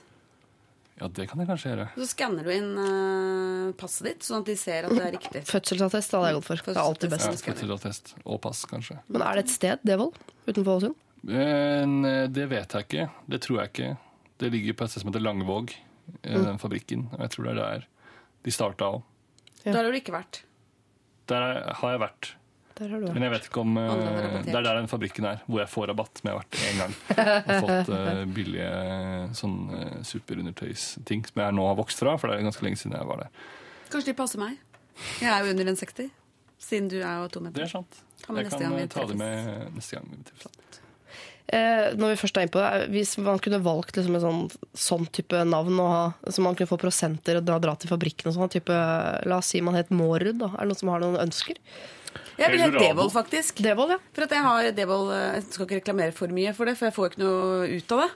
Men Kanskje eh, ikke det, ikke det. jeg, jeg, jeg har eh, et par Devold-plagg veldig deilige. Elsker å gå med ull. Så du kunne Men det er jævlig dyrt. Ja, men det er det verdt. Og det er bedre enn Kari Traa, for Kari Traa har sånn fjollete, mye rosa og sommerfugl, sånn gjøglerundertøy. Ja, sånn driver ikke vi med. Nei, det er streite farger i. Det digger jeg. Altså, det er jo print rett ut av eh, sinnet til Kari Traa. Altså, det reflekterer hvordan hun er som menneske. Vil gjerne Men er det mulighet for at dere kan gifte dere, for eksempel, sånn at Gunhild får dette Devold-navnet, og dermed disse prosentene fra fabrikken som ikke ligger på Devold? Det er mulig. Ja. Eh, men nå er jeg sånn, nå fikk vi nei på det frieriet i stad, så jeg Ja. vet ikke om jeg tør å prøve på noe helt ennå. Nei, du har statistikken mot det deg. Ja. Du er opptatt, stemmer det. Eh, du skal få et annet spørsmål, Gunhild. Er en her, en gutt på 23 som har skumma bloggen din, som han skriver. Og skriver Jeg tar bare spørsmål fra seriøse lesere. Er du feminist, eller? Ja, det stemmer. Vil du utdype det? Eh, ja og nei. Jeg syns det er så underlig med folk som ikke er feminister. Ja. For at, eh, Folk, og da mener du også menn? Ja. Ja. Fordi at eh, jeg tenker For meg så er feminisme i bunn og grunn så er det lik lønn for likt arbeid. Eh, og det er det ikke i Norge. Og det er det veldig få steder i verden. Og bare det eh, er viktig å kjempe for. Så det er feminisme for meg. Og det syns jeg er underlig at ikke menn er for også. Det betyr Hvis jeg får, mer, hvis jeg får like mye lønn som Kent, så betyr det ikke at Kent får mindre lønn. Det betyr bare at, at jentene skal opp på det nivået som menn er på. Tjener du dårligere enn Ken her i P3? Antageligvis. Gjør du det? Bare fordi du er kvinne? Du har jobba mye lenger enn meg. Ja, men eh, det er også sånn at gutter her i P3 tjener mer enn meg, som har jobba mindre og er yngre og har mindre utdannelse. Så det er jo bitte lite grann irriterende. Så fingeren opp til deg, eh, ja, Yes. og så videre. Eh, eh, Ken, du har også fått et spørsmål. Og det er jo dessverre, eller kanskje heldigvis, for folk som er veldig opptatt av musikk, sånn som den du er, så er det sjelden de får inn spørsmål til deg her i Lørdagsrådet som ikke er musikkrelatert. Ja, og det er det heller eh, ikke i dag, altså. Noe annet. Ken, hva er den verste musikken du veit om? Her er det muligheten til å raljere. Å, endelig. Eh, den verste musikken jeg veit om, ja. Hva er det? Vet du hva, Det der er, sånn, det er vanskelig, det der, fordi jeg tror jeg ville svart dubstep for to måneder siden. Åh, jeg begynte å like det litt, ja. Ja, jeg også. Fader? Det har blitt så mye av det. Jeg har blitt eh, overfylt med det. Og jeg klarer ikke å opprettholde hatet mitt lenger. Jeg må legge ned borgen ja. og bare la det strømme inn. Så nå eh, Hva er det aller verste musikken jeg vet om? Må jeg tenke litt. Det er styrke å vise sin svakhet òg, vet du. Det er jo det, da. Det er jo det.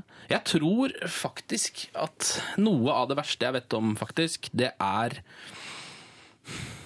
Det er liksom de metallbandene eh, som, som kommer fra Danmark, for eksempel, og heter for eksempel Metallica? Volbeat. Det er jeg ikke noe glad i i det hele tatt. Sånn type. Det, er- det var ikke noe ikke noe glad- konkret. Nei, jeg er ikke noe glad i metall egentlig sånn i utgangspunktet. Ikke kjempe, i hvert fall. Men jeg liksom liker noen av de. Jeg liker som Metallica, for eksempel. Synes jeg er helt ålreit. Synd det, for her kommer altså metal, helst fra Danmark. Er Her kommer glad. Volbeat. Lørdagsrådet. Outcast og Miss Jackson har vi hørt. Fins de fortsatt, Outcast? Ken Vasenius Nilsen? Ja da, de fins, de. De fins. De fins, men de har kanskje ikke noe hits? De har holdt på litt sånn hver for seg eh, en stund. Ja. Eh, og så har jo han en av de, han Andre, han har blitt mer sånn skuespiller nesten. Men jeg tror de kommer til å komme ut med nye ting. Hvordan type film spiller han i da? Han spiller for eksempel i ja, hva heter det, disse filmene? Semi-Pro er det en som heter. Hvor han sammen med han uh, Will Ferrell. Oh, ja. En komedie. Og så spiller han i den derre Be Cool. Er det noen som har sett den? Den har jeg sett. Ja. Mm, er Kaller han seg sjøl for Andrew 2000 fortsatt? 3000, er det ikke det? Eller er det 2? 3000? Jeg tror det er er 3000. Two. Ja. Å, ja, Oh, Er det André 3000, Det var litt kult. er det ikke det? Jeg tror det. Det er framtidsretta. Jeg tror det var 2000. Det høres ut som en støvsuger. Det er som en støvsuger. Andre 3000. Ja, jeg er enig. Kjøp den nå på TV-shop. Dere, Vi skal ta ei lita runde innom dette med sjalusi, som er et eh, evig tema. eh, Ikke bare i Lørdagsrådet, men i, i verdenssammenheng. I alle typer forhold der ute. Vakre, gode Lørdagsrådet. Etter et langt opphold i Tyrkia og det som føles som flere tusen timer på stranda, har jeg og min kjæreste blitt hekta på Lørdagsrådet, og velger derfor å lesse vårt problem over på dere. Og dette er vårt eneste problem. Det har seg slik at jeg blir ikke sjalu. Det er en jente som skriver også. Jeg tror alle trenger å få den bekreftelsen at de er redde for å miste sin bedre halvdel. Dette er et vanskelig problem å legge fram, men for meg er det virkelig et problem. Han mener at jeg bare vil holde på mitt image som isdronning, men da hadde vel ikke dette holdt meg våken?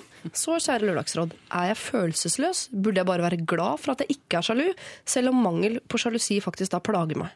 Dette er en gutt som virkelig aldri ville nærme seg noen andre pga. religion og slikt, og jeg vet at jeg ikke vil gjøre det slutt. Hilsen den som sto sist i køen når Gud delte ut sjalusi. Altså eh, Først, eh, Vanligvis så anerkjenner vi jo alle problemer eh, som store problemer her i Lørdagsrådet. Ilandsproblemer og alt som måtte være. Men her er vel spørsmålet nærmest fra innsender er det et problem at man ikke er sjalu. Ja. Først og fremst så er jo det imaget som isdronning eh, Det er ikke så skummelt å kvitte seg med det, tror jeg. Jeg tror det går greit å fortsette uten isdronningstempelet. Ja, det er et ganske usympatisk stempel å ha. Er det ikke det? da? Jo. Ja. Jeg vet det er noen gutter som liker det, men ja. Det er ikke noe å holde på med sånn Men hun ligger våken om natta fordi hun ikke er sjalu? Ja, typen syns tydeligvis at hun burde være litt sjalu. Da. Hvis ikke så mener han at uh, hun da ikke er redd for å miste han. Det høres ut som typen har eh, Er han sjalu? Sa han om det? Nei. Det virker jo som han er ganske sjalu hvis Eller jeg tenker jo i hvert fall det, hvis dette er et problem. Hvis han gnåler om at hun ikke er sjalu, så er det jo typen er jo bitte litt eh, eh, merkelig. Han vil ha bråk. For man vil jo ikke ha en så sjalu kjæreste. Det er veldig slitsomt med sjalusi. Ja, det er kanskje litt gøy med bitte litt eh, nagging, men eh, hvis du spør eh, noen som er irrgrønne av sjalu fra skjelettet og helt ut i ansiktshuden, så er de vel heller også veldig misunnelig på henne. Selvfølgelig, fordi hun er sjalu hele tiden. Ja, hvis det enten er veldig veldig mye eller ingenting, så vil jeg jo påstå at ingenting er absolutt Ja. det beste alternativet. Men her er det vel snakk om å prøve å få litt opp på skalaen. Altså sånn på en ener eller toer eller noe sånt. da. Hvis det går fra én til ti på sjalusiskalaen. hvis, man ikke har noen hvis hun ikke har noen andre følelser heller, er da har hun et problem. Da har hun et problem. Men hvis man ikke er sjalu, herregud, er ikke det digg, da? Kan ikke han teste henne litt, da?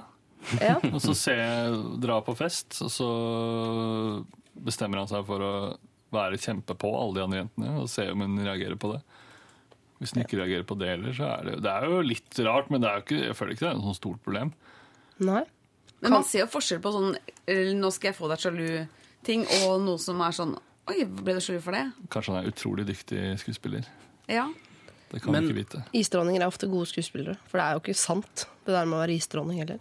Men sjalusi er vel ikke noe som holder et forhold eh, Eller gjør et forhold bedre, på noen måte? er det da? Man trenger liksom ikke det oppi miksen, egentlig. Nei. Dessuten så er det en av de, syv dødssynder, så det er ikke noe man skal frakte etter. Men kan hun bevise Han trenger tydeligvis en eller annen bekreftelse på at hun virkelig vil ha han, og at ikke det er liksom et rivende fett hvem hun er sammen med. Kan hun bevise det på en annen måte enn å fake sjalusi? Eller få det framprovosert? Er det ikke tusen måter å vise det på? Jo, Eller ti tusen, 10 000, kanskje? F- eh, jeg vet ikke. Gi presanger, si hyggelige ting og være ålreit. Og eh, en god kjæreste. Ja. Er ikke det bra nok for han? Holder ikke det? Herregud, hva er det moderne forhold at man også skal ha 50% sjalusi? Er dere sjalu, eller? Er du sjalu, Magnus? Ikke så veldig, tror jeg. Nei. Nei? Toer? Treer, kanskje? Jeg er vel kanskje tre. Ja. Ken? Er det én til ti? Ja. Ja, kanskje litt mer. Kanskje Jeg legger meg på en firer. jeg. Firer, ja. ja. Gunhild? Den kan vokse. Firer er ballen ofte sjuere, vet du. Shit. Ja da. Gunhild? Eh, jeg har det i meg. Ja. Men sånn på daglig basis er jeg ikke det. Men jeg har vært sjalu, og det er jo helt grusomt. Så gud forby om jeg skulle bli det. Om jeg, skulle bli det. jeg var det en gang jeg var sammen med en fyr for 1000 år siden. Da, eh, og da var jeg så sjalu. Måtte ta det opp. For jeg var, altså, det var helt jævlig. Det er så flaut å være sjalu. det er den sterkeste følelsen Ja. et menneske kan føle, visstnok. Det er litt litt underlig at noen ligger våken fordi de ikke er sjalu. Enig. Litt spesielt. Det som også er spesielt, er at vi har fått en eh, mail fra gutten i dette forholdet også, der han problematiserer at eh, hun ikke er sjalu. Og jeg skal lese den mailen for dere rett etter. Passende nok, Eva and the Heartmaker. Eh, som jo, der er det vel kanskje litt sjalusi, jeg vet ikke jeg. Eh, Traces of You. Der er det masse sjalusi. Hun er jo så fin, og han er jo så døll, han eh, typen.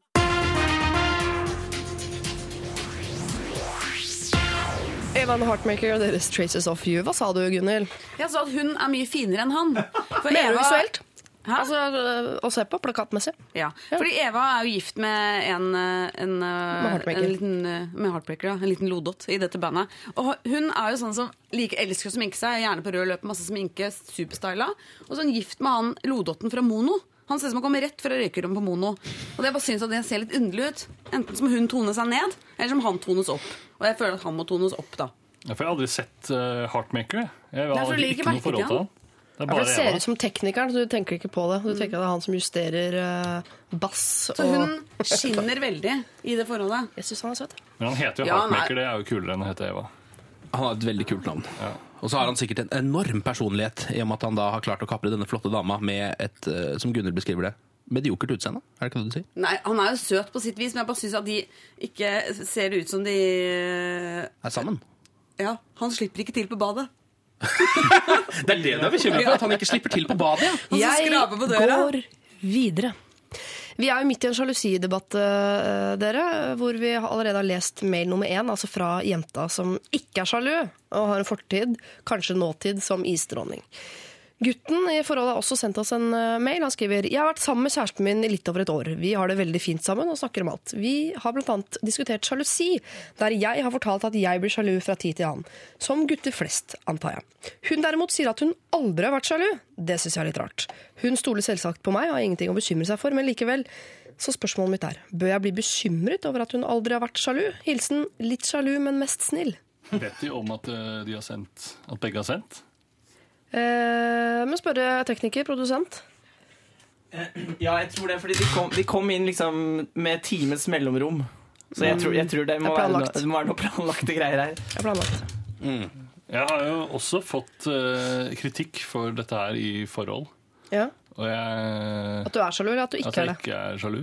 Ja. Og ehm, Dette er ikke informasjon jo- du kom med når vi leste den første mailen. Nei, jeg tenkte ikke over det. Nei. Eh, Så kom jeg på det mens vi spilte Eva and the Heartmaker. Mm. Og det er jo ikke noe Det er jo bare sånn noen folk er. Ja. Jeg er en treer på skalaen, som jeg sa i stad. Mhm. Og eh, det, er liksom, det handler jo bare om personlighet. Det handler jo ikke noe om at man er noe mindre interessert i å være i det forholdet. Nei. Så han trenger ikke være bekymret, syns du? Jeg syns ikke han trenger å være det. Firer på skalaen, Ken Masenius Nilsen.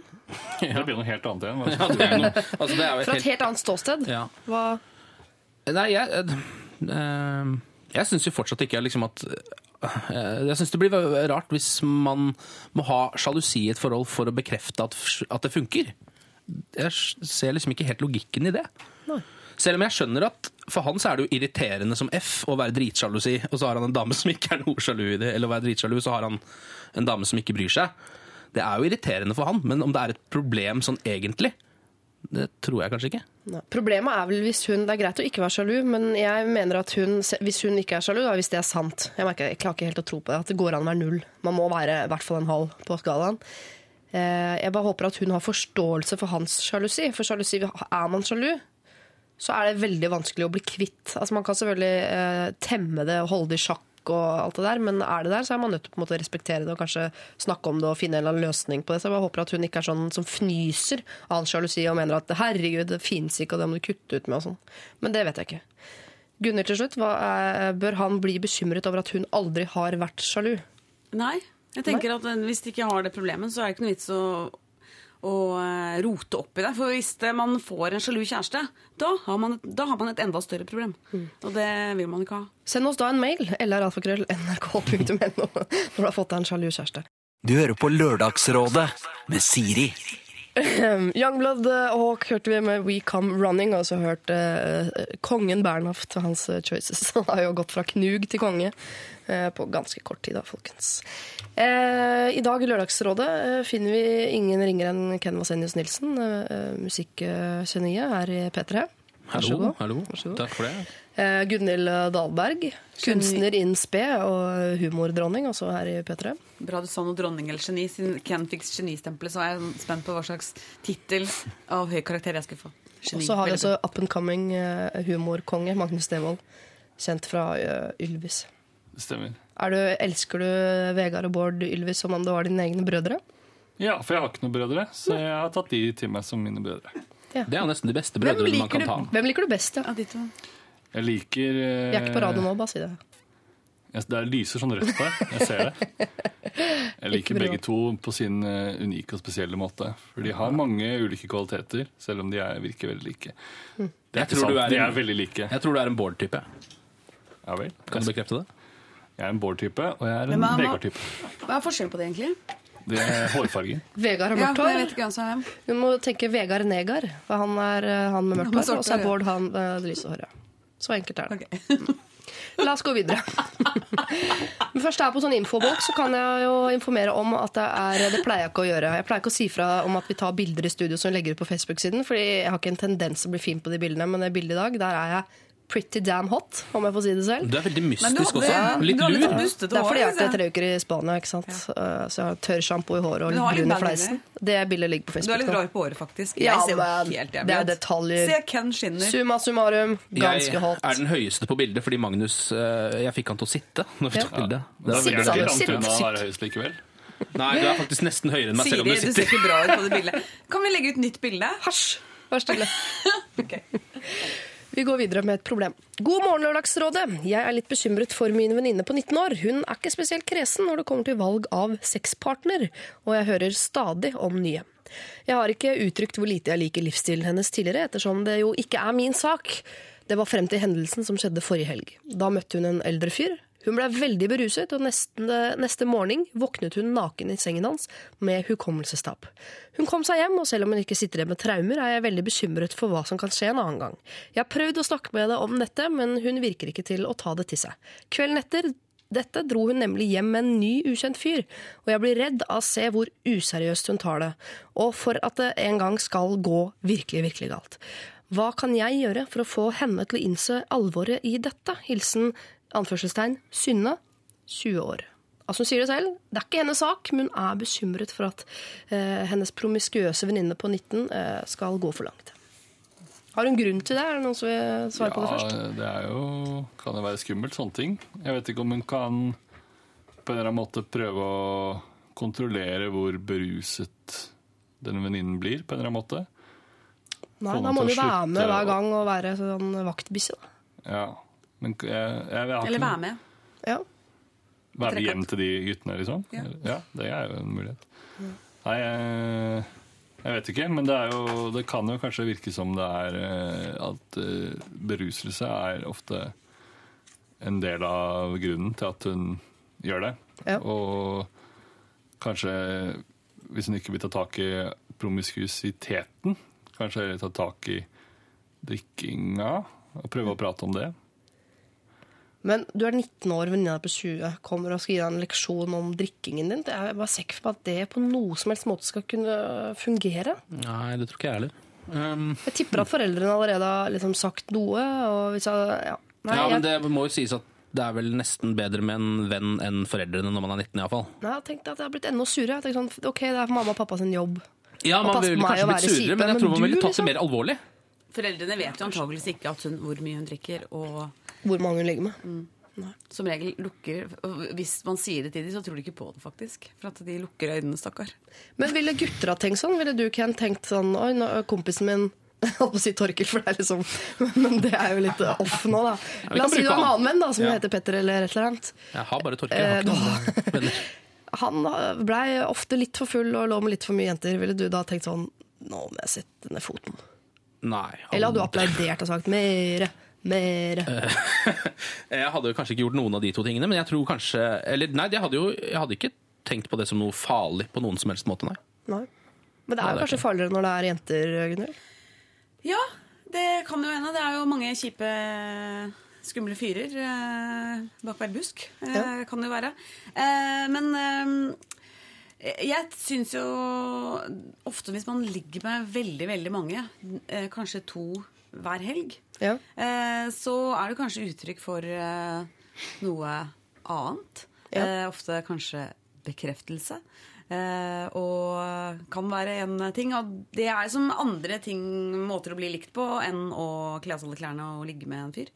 Um, så, men jeg tenker at det er kanskje å snakke med henne når hun er edru er kanskje det lureste. Og så begrense drikkinga. Man, man har lov til å si til venninner, eh, uansett hvor gammel man er, eh, også om man er liksom 60 eh, eller 80, at nå du kanskje ikke burde drikke sprit. Du tåler tydeligvis ikke.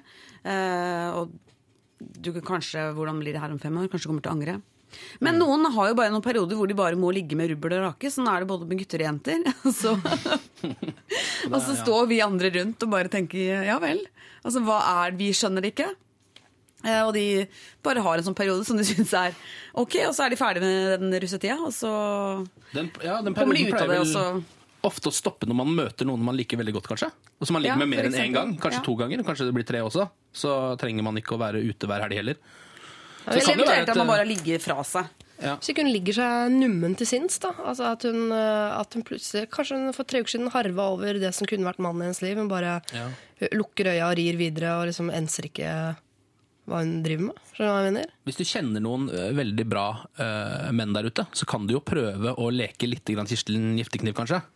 Fordi uh, med en gang man Eller jeg bare ser for meg at med en gang det er en, uh, dukker opp en person som liksom møter mer enn én gang, ø, og som kanskje til og med er en person du kjenner litt grann fra før, så kanskje liksom du Jeg vet ikke. At det, at det begrenser litt i behovet for å dra ut og ligge med alle mulige andre folk også. Absolutt, det burde det. Det burde jo det. Ja. Og så er det jo ofte sånn både for gutter og jenter. Men man sier jo sånn ja, det er bra, kult, og gutter har masse sexpartner, og jenter da er de eh, horer. eh, hvis man har ligget med mange. Men det er eh, Det kan jeg si for begge. De fleste tenker vel at når man har ligget med mange, så gjør, er man Man har ikke lyst til å bli sammen med noen som har ligget med halve byen, da. Nei. Eh, de fleste tenker sånn Ja, ja, kanskje Men da har de jo samtidig vært gjennom den fasen, så da er det kanskje sjanse. for at de nå, ok, nå har de rast fra seg, nå roer de seg ned. Kom Ja, en SMS her nå på en som mener at hun har daddy issues. Kan det være noe? Ja, alt kan vel kokes ned til det, kan det ikke da? Er det, ikke, er det ikke som ofte sånn hun fikk ikke brystmelk? Er det ikke det som ofte er løsningen på sånne problemer? Eh, men jeg tenker at eh, ofte, jeg er helt enig i at det er, ofte, det er antageligvis ikke venninnen eller foreldrene som skal få henne til å roe seg ned, men en, eh, en, en fyr kan få henne her til å roe seg ned, hvis hun trenger å roe seg ned. da. Men eh, denne venninnen, Synne som hun kaller seg, 20 år, hun kan vel ta en prat om jeg blir bekymra når du blir så full. Er det egentlig dette du vil, eller føler du at du må Vil du at jeg skal stoppe deg? type? Man kan ta den praten. Den kan man absolutt ta. Eh, eh, I edru tilstand. Og gjerne også en eh, liten brief på vorspiel. Og så tar man også noen briefs eh, underveis eh, når man er ute. Og så eh, kanskje man kan ta fra en telefonen og tvinge henne inn i en drosje på vei hjem. Men man, man har lov til å inngå sånne grep. Men Synne må passe på at hun også får lov til å ha det gøy nå i årene som kommer. At ikke hun skal gå rundt eh, og være vakthund liksom, for venninnen sin. Hun har vel ansvaret selv også, denne venninnen. Først og fremst. Hun Ja. virker jo ikke som hun venninna syns hun har noe problem, egentlig. Nei, men Derfor så kan det hende at en, eh, at en prat kan finne ut av litt grann ting. Fordi det kan hende man finner ut hvorfor å gjøre det, Ja. eh, og hva på en måte får ut av det. Og liksom hvis, eh, hvis det f.eks. er en sånn bekreftelsesgreie, da, det kan jo fort være det, at det er sånn der, jeg føler meg bra når jeg gjør det, fordi da vet jeg at denne mannen liker meg. At det er det som er grunnen. Så går det jo i hvert fall an å liksom eh, å snakke med venninna om det, hva hun mener om det. da, sånn der, Kanskje ikke du trenger å gå ut og ligge med noen for å få bekreftelse. Kanskje det finnes et annet sted å plukke den opp, f.eks. Ja, kanskje venninnen svarer sånn Du, jeg beklager, men jeg er kjempekåt. Jeg er nødt Ja. til å ligge med folk hele tiden. Så det er, Ja, men ja, er- kanskje det er en det. nymfoman, det vet Ja, jo ikke vi. Det vet vi ikke. Men som jenter så vet vi jo at det er, pitt, det er ikke alle gutter som er greie. Så man må, se, uansett hvor kåt man er, så må man dessverre drive og se seg litt over skulderen. Og som venninne så er det fint også at hun reagerer. Altså, jeg husker jo min periode der hver gang jeg kom hjem med en ny liggehistorie, så satt jo alle jentene rundt omtrent og skåt og, og klappet og sa 'med flere morsomme historier'. Hva sa han? Nei, hva, hvilken vei pekte nå, Ikke sant? Det var jo et show. Jeg tenkte her er bare å ture på, dette er et humorshow. Eh, og det hadde vært hvis én hadde sagt sånn Siri, nå begynner du å bli litt løs i strikken. Så hadde jeg kanskje satt meg ned og tenkt meg litt om neste gang jeg eh, Ja. Ja, det er jo ikke sikkert at uh, denne dama som ligger med folk, heller har tenkt over liksom, farene ved det. At ja. alt bare er fryd og gammen foreløpig. Er kjempefull og ligger med noen, og det er bare helt konge. Det kan jo være greit å liksom, introdusere det faremomentet og si at det kan være litt sånn, det kan være skummelt der ute også. Ja. Så tenk litt på det, i hvert fall. Kanskje ikke du drikker deg helt, ikke drikk deg sanseløs, liksom. Ikke få hukommelsestap, hvert fall, når du er ute og fester. Så I verste fall så legger du ryktekortet på bordet, for det er jo det jenter er mest redd for. De snakker det er om deg i gymgarderoben, ja. altså. Alle Så kan sier man prøve å ha edru sex, for det er ofte litt uh, mer ok. Jeg liker den midt mellom, jeg. Syns det er best. Ja. Midt er mellom edru og det andre. to feite glass med vinsexen. Ja, den er fin. Ok. Dette begynner å bli privat, folkens. Jeg håper du fikk noen råd. Synne, som du kaller deg, som eh, du kan ta videre med din venninne på eh, 19. Lørdagsrådet på P3. Radioactive Imagine Dragons eh, hørte du der i Lørdagsrådet. Og vi har fått inn en eh, SMS eh, fra en eh, på 33, og hun skriver rett og slett. Hei, Lørdagsråd. Jeg håper dere kan hjelpe meg litt her. Jeg er blitt ganske betatt av fastlegen min, som jeg har hatt i tre år nå. Jeg har hele tiden været det er skrevet litt rart, dette her. Det skal jeg bare si. Jeg har hele tiden vært betatt av han, men nå er jeg singel og lurer på hva jeg skal gjøre med dette. Nå blir det ren glede å gå til legen, og selvfølgelig vanskelig fordi jeg blir satt ut av denne karen. Det skal sies at eh, jeg syns han er en veldig god lege, så jeg setter veldig pris på dette forholdet. Hvordan kan jeg finne ut om han vil bli kjent med meg utenfor de hvite vegger? Hilsen hemmelig beundrer 33. Det er vel vanskelig å Kanskje for han å gjøre noe med det uten at eh, han kan få sparken? Er det ikke det? Ja, han har vel ikke lov? Nei, jeg tror ikke han kan gjøre noe med det, Nei. eh, faktisk. Han har Så ikke det er lov til å treffe henne utenfor de hvite vegger. Nei, men Han har jo ikke lov til det. Han har jo ikke lov til å bli sammen med pasientene sine. Nei, på ingen måte. Se, Men hvis hun Nå beveger vi oss innenfor et regelverk som vi ikke kan noen ting om, men eh, det er det radiofolk driver med. Å snakke om ting de ikke har peiling på. Eh, Hvis hun slutter som pasient da, og treffer han på Brokers om Ja. eh, to år De har vel fortsatt møttes under et pasient-legeforhold, Ja. på en måte. Og da er det fortsatt Det vil jo alltid ligge til grunne. Ja, jeg vet ikke. Jeg syns ikke hun skal prøve å finne ut av noe mer om dette her. Det, hun burde bare bytte fastlege, eh, eventuelt kvele disse følelsene eller disse tankene og komme seg videre i livet. Fordi antageligvis så er det bare et, en liten tics eller et blaff. Og det er veldig typisk jenter å eh, falle for eh, eh, folk eh, med maktposisjoner, eller folk som, eh, menn som de har en liksom lederposisjon i livet. F.eks. psykologen, kiropraktoren, foreleseren, kjørelæreren, eh, sjefen. Kjørelæreren? For eksempel. Ja, det er, ja de er, nei, jeg trekker tilbake kjørelæreren, fordi jeg er ikke noe kjekke. Eh, men det er, veldig, det er veldig typisk at man faller for, sånne, for noen sånne tanker om sånne folk. Eh, og så har man god tone. Selvfølgelig han har god tone, fordi han eh, er antageligvis kanskje en flink lege. da. Jeg har også god tone med min fastlege, men eh, jeg vil aldri finne på å tilnærme han. Han er veldig Han er altfor gammel, for så vidt. Men, men det er liksom Det er bare sånn typisk jente å gjøre sånne ting.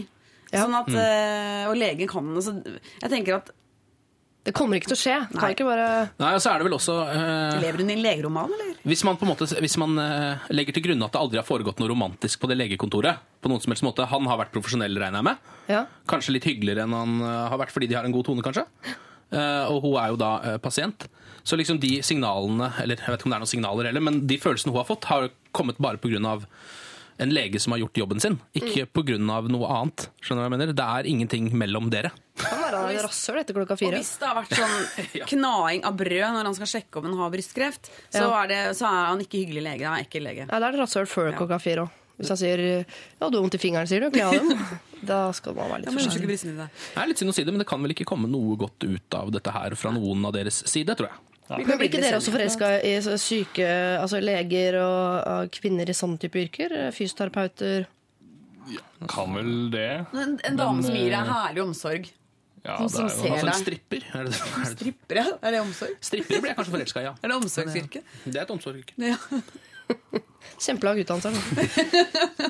Jo, men det er jo det er veldig, Jeg tror jeg har vært forelska i en hel rekke med fysioterapeuter og leger og sånn, for de er, så, de er bare opptatt av deg.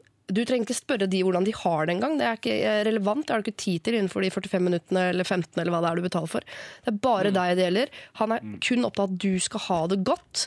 Eh, når du kler av deg på overkroppen og sitter der med strømpebukse og er så usexy som aldri før, så rynker han ikke på et bryn. Han syns bare det er flott og vil fortsatt ta på kroppen din at du skal ha det godt. Tenk på sånn, herregud, for han skal jeg dele livet mitt med. Det blir jo, alt går i min favør. Det er bare jeg som skal ha det godt, og alle skavanker er lov. Og... Så man blir jo kjempeforelsket, men det er jo klart at når de tar seg en røykepause, så sier de sånn åh, det satt jo altså ei dame i strømpebukse. Ja, man hører jo alle de historiene fra folk som er sykepleiere og Jeg kjenner ikke så mange leger, men sånn alle jeg kjenner som er sykepleiere, forteller jo bare sånn forferdelige historier om ting de måtte ha gjort i løpet av dagen. Ja. Og de har sikkert eh, ikke noe behov for å Han har sikkert ikke noe behov for å gi masse mer omsorg til henne etter han er ferdig på jobb, fordi da har hun sittet i åtte timer og bare gitt omsorg og råd og eh, hjulpet mennesker. Så trenger han sikkert at noen eh, Tipper han tenner mest på friske folk, ja, sånn eh, etterpå. Jeg tror også det. Vet ikke. Jeg tror kanskje det nærmeste for, eh, for gutter er liksom frisøren. Tror jeg kanskje gutter kan bli forelska i, faktisk. Har du vi snakket om dette før, Ken? Jeg, jeg har i hvert fall blitt sånn, sånn bråforelska i alle frisørene mine, og så går det over når jeg er hjemme igjen, heldigvis. Men det er liksom sånn for de sitter bare og, Det er sånn smalltalk, og så tar de så mye på det. Og det er hodebunnsmassasjer, og det er ikke måte på. De fikser sveisen din og sier hvor fin du ser ut. Ja, Og så har de Eh, liksom og så er de gjerne veldig pene også, mange av de. ofte. De har veldig ofte ansvaret for å holde samtalen i gang. Ja, ikke du, du og de er veldig gode på det, for de gjør det hele tiden. Så man ja, trenger er- liksom ikke å si så mye. Og så er det bare spørsmål om deg og hva du skal i ferien. Og du trenger ikke å spørre tilbake hva skal du, for det, det er liksom ikke en del av det kutyme. Ja, det er, er bare en frisør. ja, det er bare frisør. Ok. Uh, uh, det eneste jeg egentlig hører her, er uh, legg det bort. Nei, du bøter han ikke utenfor disse fire veggene. Eh, Du er, du er antageligvis ikke forelsket. Han er det i hvert fall ikke. Det kommer aldri til å bli dere to. Eh, Ja, han er kanskje en flink fastlege, men det skal de på papiret være alle sammen. Så bytt. Du kan bytte to ganger i året. Det er kjempelett. Gå inn på fastlege. Punktum. No. Lørdagsrådet Ingen ringere enn The Strokes og deres Last Night, og før det ingen ringere heller, eh, Muse og deres eh, Madness. Hvem er mest ringere av Strokes og Muse, eh, Ken Vasenus Nilsen? Nå er det kanskje Muse, tror jeg, som er mest ring. Mest ring? Ringete. Ja, ringere. Hva er det Strokes driver om dagen, da? Jeg vet ikke. De, de har jo også gitt ut sånn masse sånn sologreier hver for seg. Jeg vet ikke om de kommer sikkert til å gi ut noe sammen igjen, de også. Men de burde i hvert fall gjøre det, fordi de er jo en samling av de, de ser jo så Det ser for hipt ut, nesten, når de står sammen. Så det er egentlig kanskje greit at de er hver for seg innimellom. Så er det de villeste navnene i rockebransjen også, de folka der. Så det er jo Julian Casablanca, Casablanca så ja, og Fab Moretti, som Ja, han men enten. Slutt å skryte med om musikkinfo, dere to der borte, da. Ken Vasenus Nilsen, musikkproff her i NRK P3. Og Gunhild, som også viser seg nå her å være litt musikkproff. Gunhild Dahlberg. Jeg er jo så lite musikkinteressert, så Ja. det var helt utrolig at jeg klarte å komme på det navnet. Jeg kan det navnet, og så kan jeg Wenche Myhre. Det er stort sett det- dit det strekker seg. Min musikkunnskap. Magnus eh, Devold, som er først og fremst kjent for humor, men har du noe musikkskryt oppi ermet du òg? Nei, det er Strokes og Wenche Myhre med meg òg, Ja. så det er ikke så lett. Ja, dumt vi ikke skal spille Wenche Myhre i dag, da, men kanskje en annen gang. kanskje en annen gang, hvem vet. Eh, vi skal ta et eh, typisk ilandsproblem sånn, eh, mot slutten av sendinga. Det står 'Hei sann, jeg har et typisk ilandsproblem'. Jeg holder på med en gutt, men ingenting er definert. Vi var veldig mye sammen i ca. tre uker rett før ferien slutta. Dermed dro han til en annen by for å jobbe, og vi har bare sett hverandre en helg siden det. Men vi snakker ofte på telefonen flere ganger i uka, opptil en time av gangen. Og han kommer tilbake til vår felles hjemby nå rett før jul. Spørsmålet er om jeg da skal kjøpe julegave. Jeg syns jo egentlig at julegaver er noe herk, så jeg vil helst slippe. Hilsen Studinne 22. Altså hun holder på. Ingenting er definert. Liker ikke å kjøpe julegaver, men lurer på om hun skal gjøre det til han når han kommer hjem. Hun kan kjøpe Det er jo ikke vits i å begynne å kjøpe nå, egentlig. Men hun, hvis det er sånn som person som skal være ferdig med julegavene før 1. desember, for det er noen som er veldig tidlig ute, så kan hun kjøpe noe som hun selv vil ha. Som at hun kan, så hun ikke trenger å gi den, ikke sant? I tilfelle tilfelle. Så hun har det i bakhånd. Ja, som Ja. en litt stor genser, eksempel. Kjøp noen unisex-greier. Ja, en unisex-greier. En CD, kanskje. Det er så veldig trendy for jenter å gå med herreskjorter fortsatt. Biografien til Wenche Myhre. Sånne type ting. Hvis ikke så er vel kanskje um, Så er det vel også sånn Det spørs jo litt hva slags Altså det er jo Et spørsmål er jo skal man kjøpe julegave i det hele tatt. Og så Ja. er det andre spørsmålet hva, skal man kjøpe noe, liksom noe, noe stort og dyrt og flott? Eller bare en liten sånn tulleting? For det kommer man vel nesten uansett unna med, gjør man ikke det? Nei, altså, Jeg er så lei ironiske gaver. Ja, men Ikke en ironisk gave, men en liten fin dings. Skjønner du hva Ja, jeg mener? Altså, det Finnes det sånn, små, fine dingser som ikke er dyrt? Unnskyld, Magnus. Jeg, så, sånn der, jeg husker vi snakket om det, og så så jeg den på en butikk, og så bare tenkte jeg det er gøy å kjøpe den. ja, noe Og da er det sånn og ja, siden det var så tilfeldig at du kom over det, så er det liksom greit hvis han ikke har kjøpt gave, hvis det også er et problem. Og man ikke vet om han kommer Han til å har ikke kjøpe kjøpt noe. gave. Det kan jeg nesten bekrefte. Ja, da trenger vi ikke å gjøre det. Nei, for da kan det bli litt sånn kleint igjen. Hvis hun hater å kjøpe julegaver i tillegg, da er det bare drit i det. For det, er jo for mye, det kjøpes for mye julegaver, og hvis de som ikke liker å kjøpe julegaver, også skal begynne å kjøpe julegaver til dem de strengt talt ikke burde gi julegaver til, da har vi et samfunnsproblem. Eller? Jeg, faktisk vil anbefale dem å kjøpe en gave. Oh, ja. eh, fordi jeg har vært i lignende situasjon. Basert på det jeg sa, eller? Nei. Fordi jeg har vært i lignende situasjon sjøl. Man vet aldri hvor dette forholdet her ender. Nei. Og jeg hadde jo eh, i, med han som jeg har fått barn med nå, som også er typen min, og samboeren Ja, eh, I starten av vårt forhold så insisterte han, for han var jo bestemt på at vi skulle bli sammen, mens jeg blånekta veldig lenge. Og da ga han meg julegave. Og det, jeg hadde jo ikke tenkt å gi han julegave, så jeg fikk, liksom, eh, fikk jeg gave. Og så, da måtte jeg plutselig og Han skulle feire jul i Stavanger, så måtte jeg drive og løpe rundt og sende den julegaven, stresse rundt, for å kjøpe julegave og sende den til en fyr jeg ikke hadde tenkt å bli sammen med. Skjønner jeg, måtte bare, for det ble så pinlig. Eh, og så i mars, da var vi fortsatt ikke sammen, og da hadde han bursdag. Da måtte jeg jo kjøpe, for jeg hadde jo ligget med han såpass mange ganger at det var Da var gavekjøret i gang. Ja, så jeg måtte få seg en, en eh, bursdagsgave. Men jeg hadde ikke tenkt å bli sammen med han da heller, så jeg måtte kjøpe en, en nøytral gave som ikke var så veldig kjæreste. Hva valgte du? Hva kjøpte du? Kaffekanne. Kanne? Kaffekanne? Ikke Sånn termos, liksom? espresso-greier. Sånn espresso-ting. Og sånn sett på plata, så Ja. mm, skjønner. Den bruker vi fortsatt. Eh, og men det her er jo, selv fire år etter så får jeg det høre, høre det her. Nesten daglig. Sånn at hun må bare kjøre på med en bra gave. Sånn ikke det skal bli eh, inngang til forholdet at hun var dårlig til å gi gave. Ja, for det du sier at selv om, om han har fyren her Kanskje ikke han er forresten en engang, hvis hun gir gaver og bare kjører på, så, øh, og ikke, han ikke har tenkt å bli sammen med henne, han blånekter, hun vil fortsette med noe gavekjør, så kan hun få han til slutt allikevel. Ja. Det kan den også. Så syns jeg er veldig bra med en sånn eh, presskanne, faktisk. For at det er en nøytral gave. Sier er ikke for mye, sier ikke for lite. Presskanne, det er jo noe altså, verbalt veldig fint også. Her har du presskanne. Ok, Jeg hadde tenkt å si eh, ikke gi gave. Du kommer til å skremme fyren tilbake før juleferien er slutt. Men eh, basert på denne vakre eh, Disney-lignende historien fra Gunhild Lahlberg, så, så tenker jeg at det mest klinkende klare rådet blir til Studenter 23. Eh, løp ut og kjøp en presskanne. Taylor Swift, We Are Never Ever Getting Back Together. Hun er gjest i Skavlan i kveld, tror jeg. Er det det, ja? Lurer på det. Lurer på. Skavlan er på fredager, da. Jeg lurer også- på om hun var gjest i Skavlan i går. Jeg. Jeg tror hun var det på venninna mi. Hun skal også spille Joni Mitchell i en ny film om Joni Mitchell, har jeg hørt. Ja, skal handle om hun òg, Ja, skal det. Ikke en birolle med Joni. Ok, dere. Eh, vi har eh, fått en liten mail nå på tampen her fra en tannlege. Vi har jo eh, rådet en eh, kvinne i dag eh, nå nylig til å ikke gjøre noe framsteg i forhold til fastlegen sin som hun var forelsket i. Tannlege skriver Hei, jeg hører på Lørdagsrådet nå og ble litt interessert i et problem med pasient med følelse for fastlege. Selv er jeg kvinnelig tannlege i øvre halvdel av 20-årene og singel. Jeg er betatt av en av mine mannlige pasienter, men tør selv ikke å gjøre noe med dette.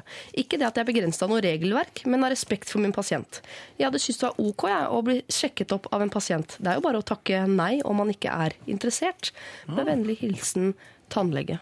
Og det er en annen som sier at hvis hun er villig til å gi avkall på den flinke fastlegen sin, kan hun jo prøve seg. Sende en flørtende SMS eller noe.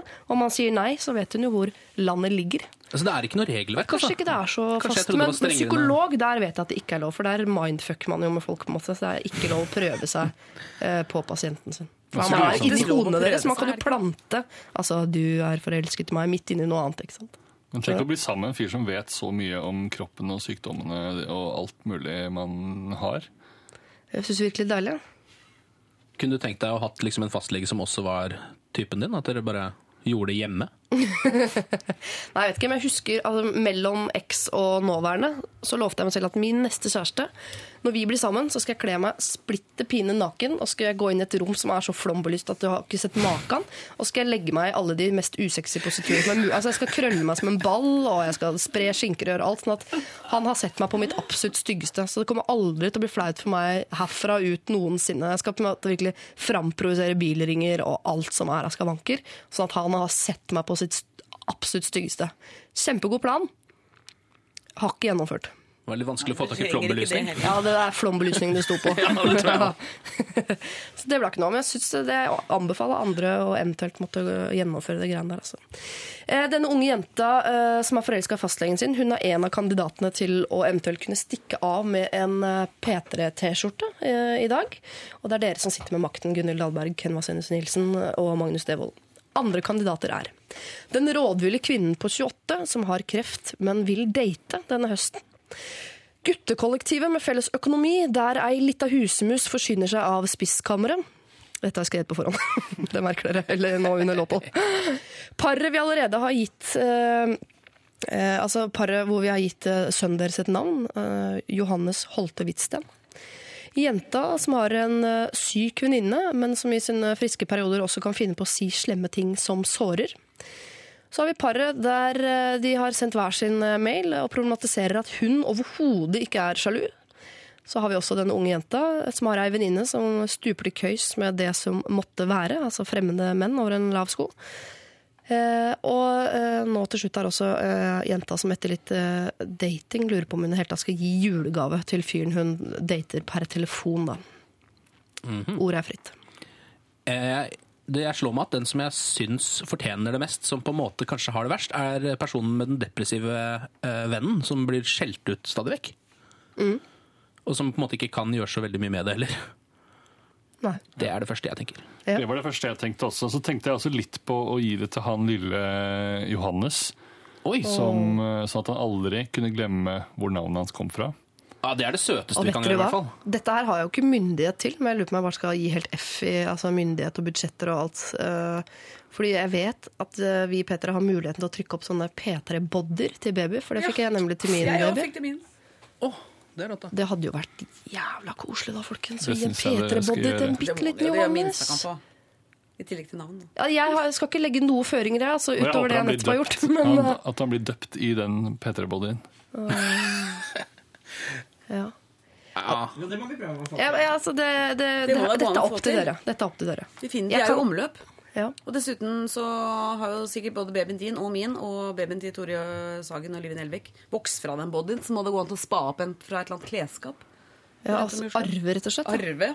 Ja, men ok, Hvis vi går for arv på body, så er det fortsatt en ledig T-skjorte til disposisjon. som kan gå til da eventuelt en av de andre som har sendt inn problem. Da syns jeg depressiv venninne, altså. Depressiv venninne, jeg òg. ja. Helt Alle klart. er på depressive venninne. Vi tenkte helt likt nå. Har dere glemt henne med kreft? Nei da. Ikke glemt henne. Nei, Men har du vært strålende? Bra nummer tre. Ja. Nei, men jeg skal ikke... Ok, Da blir det altså en brukt body, eller hvis vi får uh, budsjett til ny, da, så blir det en P3-body til lille Johannes Holte uh, Hvitsten. Og så blir det i uh, tillegg en eh, P3-T-skjorte til jenta med den depressive venninnen. Kan jeg bare oppfordre folk til å betale lisens? Den er så dårlig stelt her i NRK at vi ikke har råd til å sende en body til 129 kroner en gang. Ja. Da går det litt ille. Vær så snill og gjør det. Tusen takk til dagens eh, rådgivere, Gunhild, Ken og Magnus. Og en fortreffelig lørdag videre. Takk for oss! Takk! Takk. Lørdagsrådet. Vær så snill, ikke snakk om julegaver i november, da. Er det så lite problemer nå for tiden?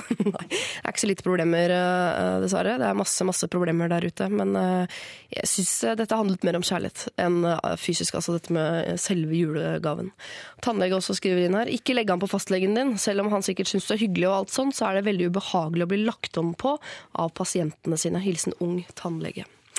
Så veit dere det. Jeg eh, sitter igjen etter tre timer med dagens lørdagsråd og håper at eh, lille Johannes Holte Hvitsten eh, eh, snart i en eh, P3-body blir fornøyd med navnet sitt. Eh, Og jeg håper også at vi ikke hører fra deg om mange år når du skal ha barn med en annen som har to etternavn han er glad i. Eller hun, da. Jeg vet ikke hvem du skal ha barn med. Dessverre.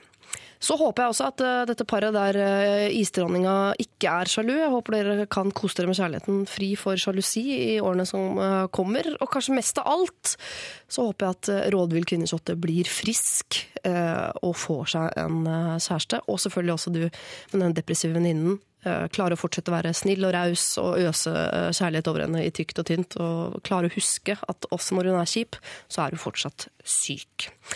Har du råd eller tilbakemelding til noen av disse eller andre vi har gitt råd i dag, så del det gjerne med oss på, på Facebook. Eh, Det er jeg helt sikker på at du har sittet og tenkt sånn 'Hvorfor sier dere ikke det?' eller 'Å nei, det der er ikke riktig', og sånne ting. Da har du muligheten til å få ut eh, det greiene der på Facebook, også.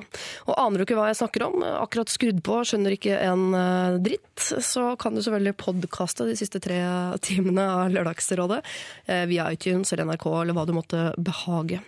Eh, Vi ligger sykt godt an til å ta pokal i podkasting, så det er sabla hyggelig for oss om du gjør nettopp det. og så vil vi at du som har fått hjelp i dag, skal sende oss en mail og fortelle oss hvordan det gikk. Vi lurer jo på da om vi har altså sendt deg ut i uføre, eller om vi har rodd deg i land i løpet av sendinga i dag. Så- send oss eh, tilbakemeldinger, og fortsett å sende problemer. Store og små, vi kaster ingen. Eller alfakrøll nrk.no. Takk for i dag. Om en uke kommer Are og Kalve, Trond-Viggo Torgersen. Adjø.